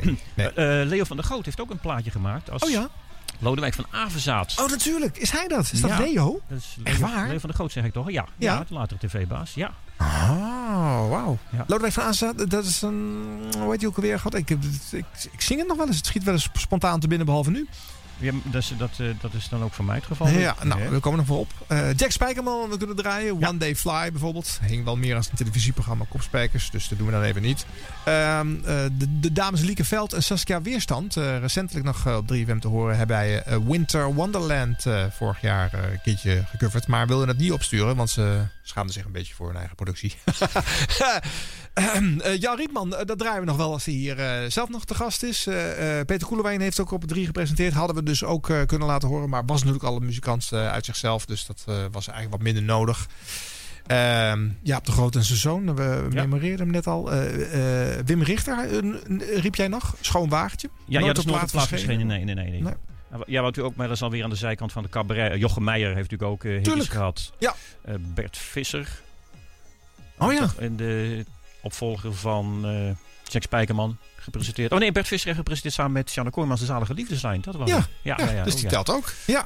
Veel liedjes over de zender. Zeker in de Hilversum 3 tijd. Uh, ik, ik, heb de balen van Hilversum 3. is een protestsong. Zoek die maar eens op op YouTube. En er was veel geklaag over het zenderbeleid. Maar vooral uh, de muziekkeuzes. Waar, waar Hilversum zijn neus voor zou ophalen. Uh, dat is leuk om te checken. Uh, Fresco maakte vorig jaar nog de, de rapper een uh, kritische plaat over oh, ja. de te blanke programmering van ja. 3FM. Is natuurlijk niet een DJ die iets zingt, maar gaat wel over de zender. Is, is ook wel de moeite waard om eens te checken. En ik wil er nog eentje laten horen. De Osdorp Possie, ook altijd niet verlegen om een kritiek puntje hier en daar. Heeft Lotje IJzermans, die notabene bij de VPRO eh, in uh, Villa 65 toch best een progressieve programma presenteerde. Ja. Maar die had eh, kennelijk iets eh, eh, te zeggen over eh, de Oslo Possie wat de Def P niet beviel. In twee minuten slaat hij hier terug in eh, Ghettootje spelen. Maar op, de- op deze cd staat bijvoorbeeld ook eh, de O- Osdor Possie. Hè? Een eh, crew die in het Nederlands, in het Amsterdams rapt. En eh, zij doen daar ook onder andere het nummer Moordenaar. En eh, ja, ik denk dat dat niet echt bijdraagt aan het serieus nemen van hiphop. Want dat is toch een beetje ghettootje spelen. Hè? Kaskop, kut, houd je idiote smoel, want je weet niet waarover je praat. Dus bemoei je niet met hardcore hip-hop, want dat is iets tussen de rappers en de straat. Jij zegt dat ik ghettootje spel, maar godverdomme weet jij er neuk veel. Wie ik ben, door wat ik denk en doe, wel of te niet, heel crimineel. Godverdomme, echt nooit heb ik gezegd dat ons dorp op een ghetto lijkt. En dat hij elke dag wordt gemoord. Dus ik weet niet wat een neusje zei. Moet het hier dan ook zo hopeloos eindigen? Als in de fucking Verenigde Staten. Voor iedereen hier mag rappen wat je ziet. En meemaakt in de Nederlandse straten. Jij beschuldigt ons nu heel, heel vals met je kut, kut, kut ghettootje spelen. Ik zal je één ding zeggen, trut. Dat is zeker niet iets om mee te spelen. Want wat weet jij van ghetto's, bitch? Ik doe vallig heel veel, maar ik zeg niet alles. Yo, maar ik was zelfs in. Dus ik weet wel wat het geval is. Serieuze, ernstige problemen. Waar ik echt nooit zo mee zal spotten. Nee, maar wat zal zo'n verwende trut als jou dat kunnen verrotten? Nou, jij zegt dat mijn nummers nou niet bevorderlijk zijn voor het serieus. Nee, maar van hardcore hip-hop.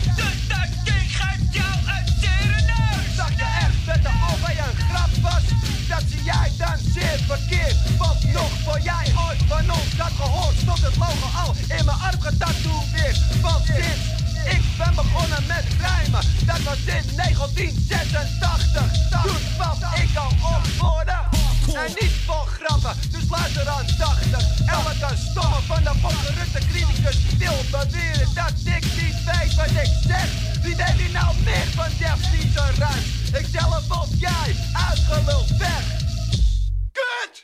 Kut! Eh Osdor Possie Ghettootje spelen. Eh, Lotje IJzermans bij de VPRO werd hier dus eh, flink afgeserveerd. Weinig subtiel, maar ook wel weer grappig. dat juist de VPRO, waar je dat niet van zou verwachten, zo'n kat krijgt. en drie werd vaak aangepakt hoor. Ik had ook muziek op drie kunnen draaien van de Rachende Mannen. Ook bij de VPRO gewoon uitgezonden. Wordt ook flink kritisch behandeld. De zender kreeg natuurlijk ook vaak tikken van de buitenwereld. Dus, dus ook uit de muziek scene. Maar goed, eh, dat is allemaal te vinden. Eh, muzikaal gezien wil ik eh, afsluiten met een stukje waarom. eh, met een stukje bewijs waarom de meeste DJ's toch beter niet een plaatje kunnen opnemen. Ehm, afgelopen oktober bestond de zender 50 jaar. Dat werd gevierd op het eiland Pampus. en eh, de DJ's hadden bedacht dat ze dan onder andere ook zelf maar eens een band moesten formeren. De Noodband werd het genoemd. Eh, we hadden de noodband al eerder besproken in deze uitzending. Ze coveren Feel van eh, Robbie Williams. En eh, dat is vreselijk. Dat kan niet anders zeggen. Siep, tot we er genoeg van hebben. Dat kan niet meer. Zijn jullie klaar voor de noodband? Laat je horen voor de noodband van 3FM! Domien Verschuur gaat eerst zingen. Let's go! Dan- daarna Roosmarijn Rijmer. Paul Rabbering bespeelt de toetsen. Dat doet hij goed. Jullie zijn erbij, het enige en het allerlaatste optreden van de noodband. Come and hold my hand. I wanna contact the living. Not sure I understand. Ik hoor de toon zo niet zo goed. Dit is een beetje. Ja. Even tussendoor Nou, een legendarische opmerking van optredende beginartiest bij Los Vast. Op stond het podium en dan liggen voor het podium de luidsprekers, de monitorspeakers. Ja. Eh, die monitors zijn vals. Echt waar? Ja, dat heb ik meegemaakt. Met Is al uitgezonden? Ja, ja hoor. Ja. De- hey, de monitor is vals. Dat ben je dus bij zelf meid. Ja. I don't understand. Nou, één stukje van het refrein, dan is het wel goed, hè? Ja, precies. Mag even, hoor. Jongens, dit gaat even Wacht niet even hoor. Oh. Mensen. Ja. I just wanna feel real love, feel the home that I live in. 'Cause I got too much life running through my veins, going to waste. Gaan we dansen, jongens? 1, 2, 3. I don't wanna Nou ja, eh, als je dit zo hoort, Siep, dan eh, is het misschien ook weer niet zo heel erg dat je niet meer intensief betrokken bent bij 3FM. Hè? Nou, nee, nee, ik, ik, ik zou, ik, ik zou zeggen, ik, had een ander nummer gekozen. Ja, nee, ik heb met eh, heel veel jaren heel veel plezier gewerkt op 3FM. Maar op, op enig moment was ik de oudste daar op station. Toen was eh Luc Jans ook al vertrokken. Die was Ja. nog één jaar ouder dan ik was.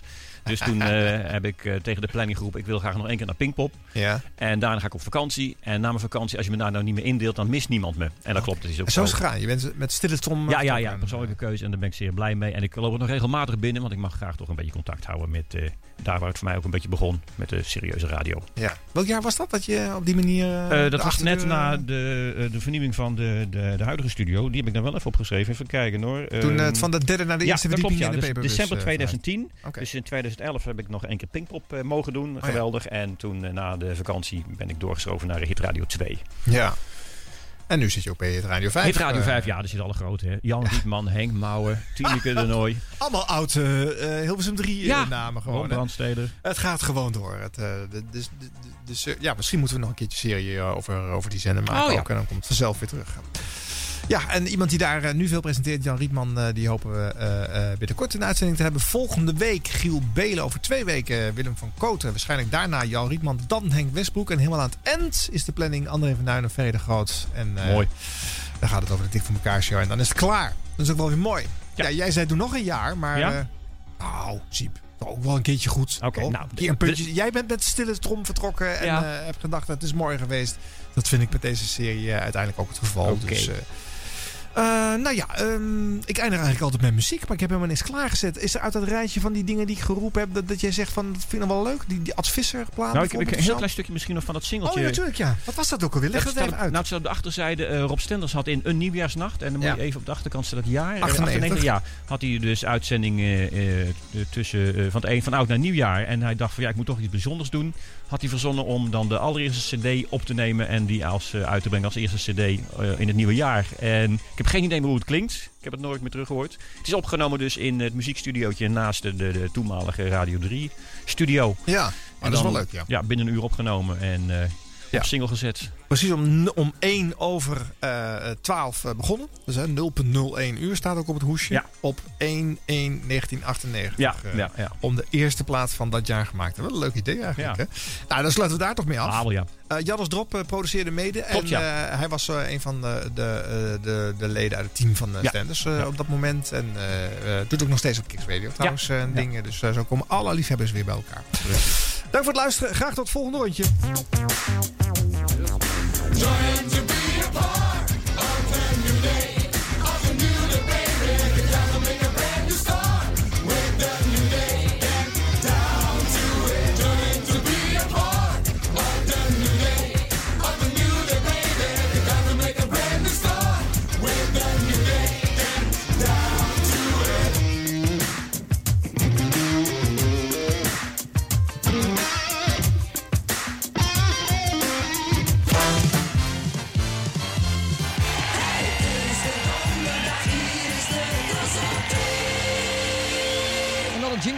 vanavond. Nou, keuze genoeg. We zijn vandaag met een gloednieuw Tros jingle-pakket gestart.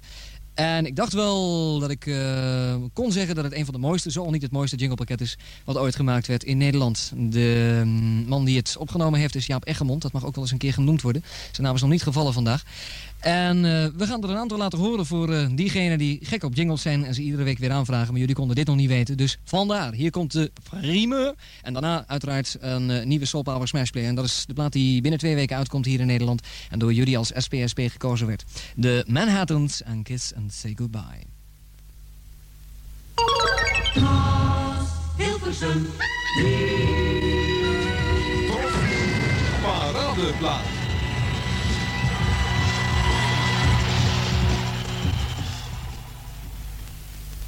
Hilversum 3. Hilversum 3.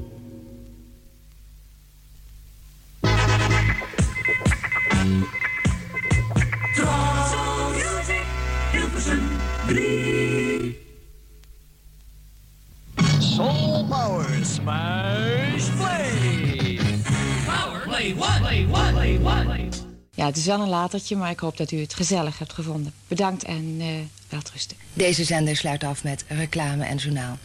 Tot volgende week woensdag en welterusten. De jingles voor 50 jaar 3FM werden mede mogelijk gemaakt door jingleweb.nl. Het genootschap Radio Jingles and Tunes.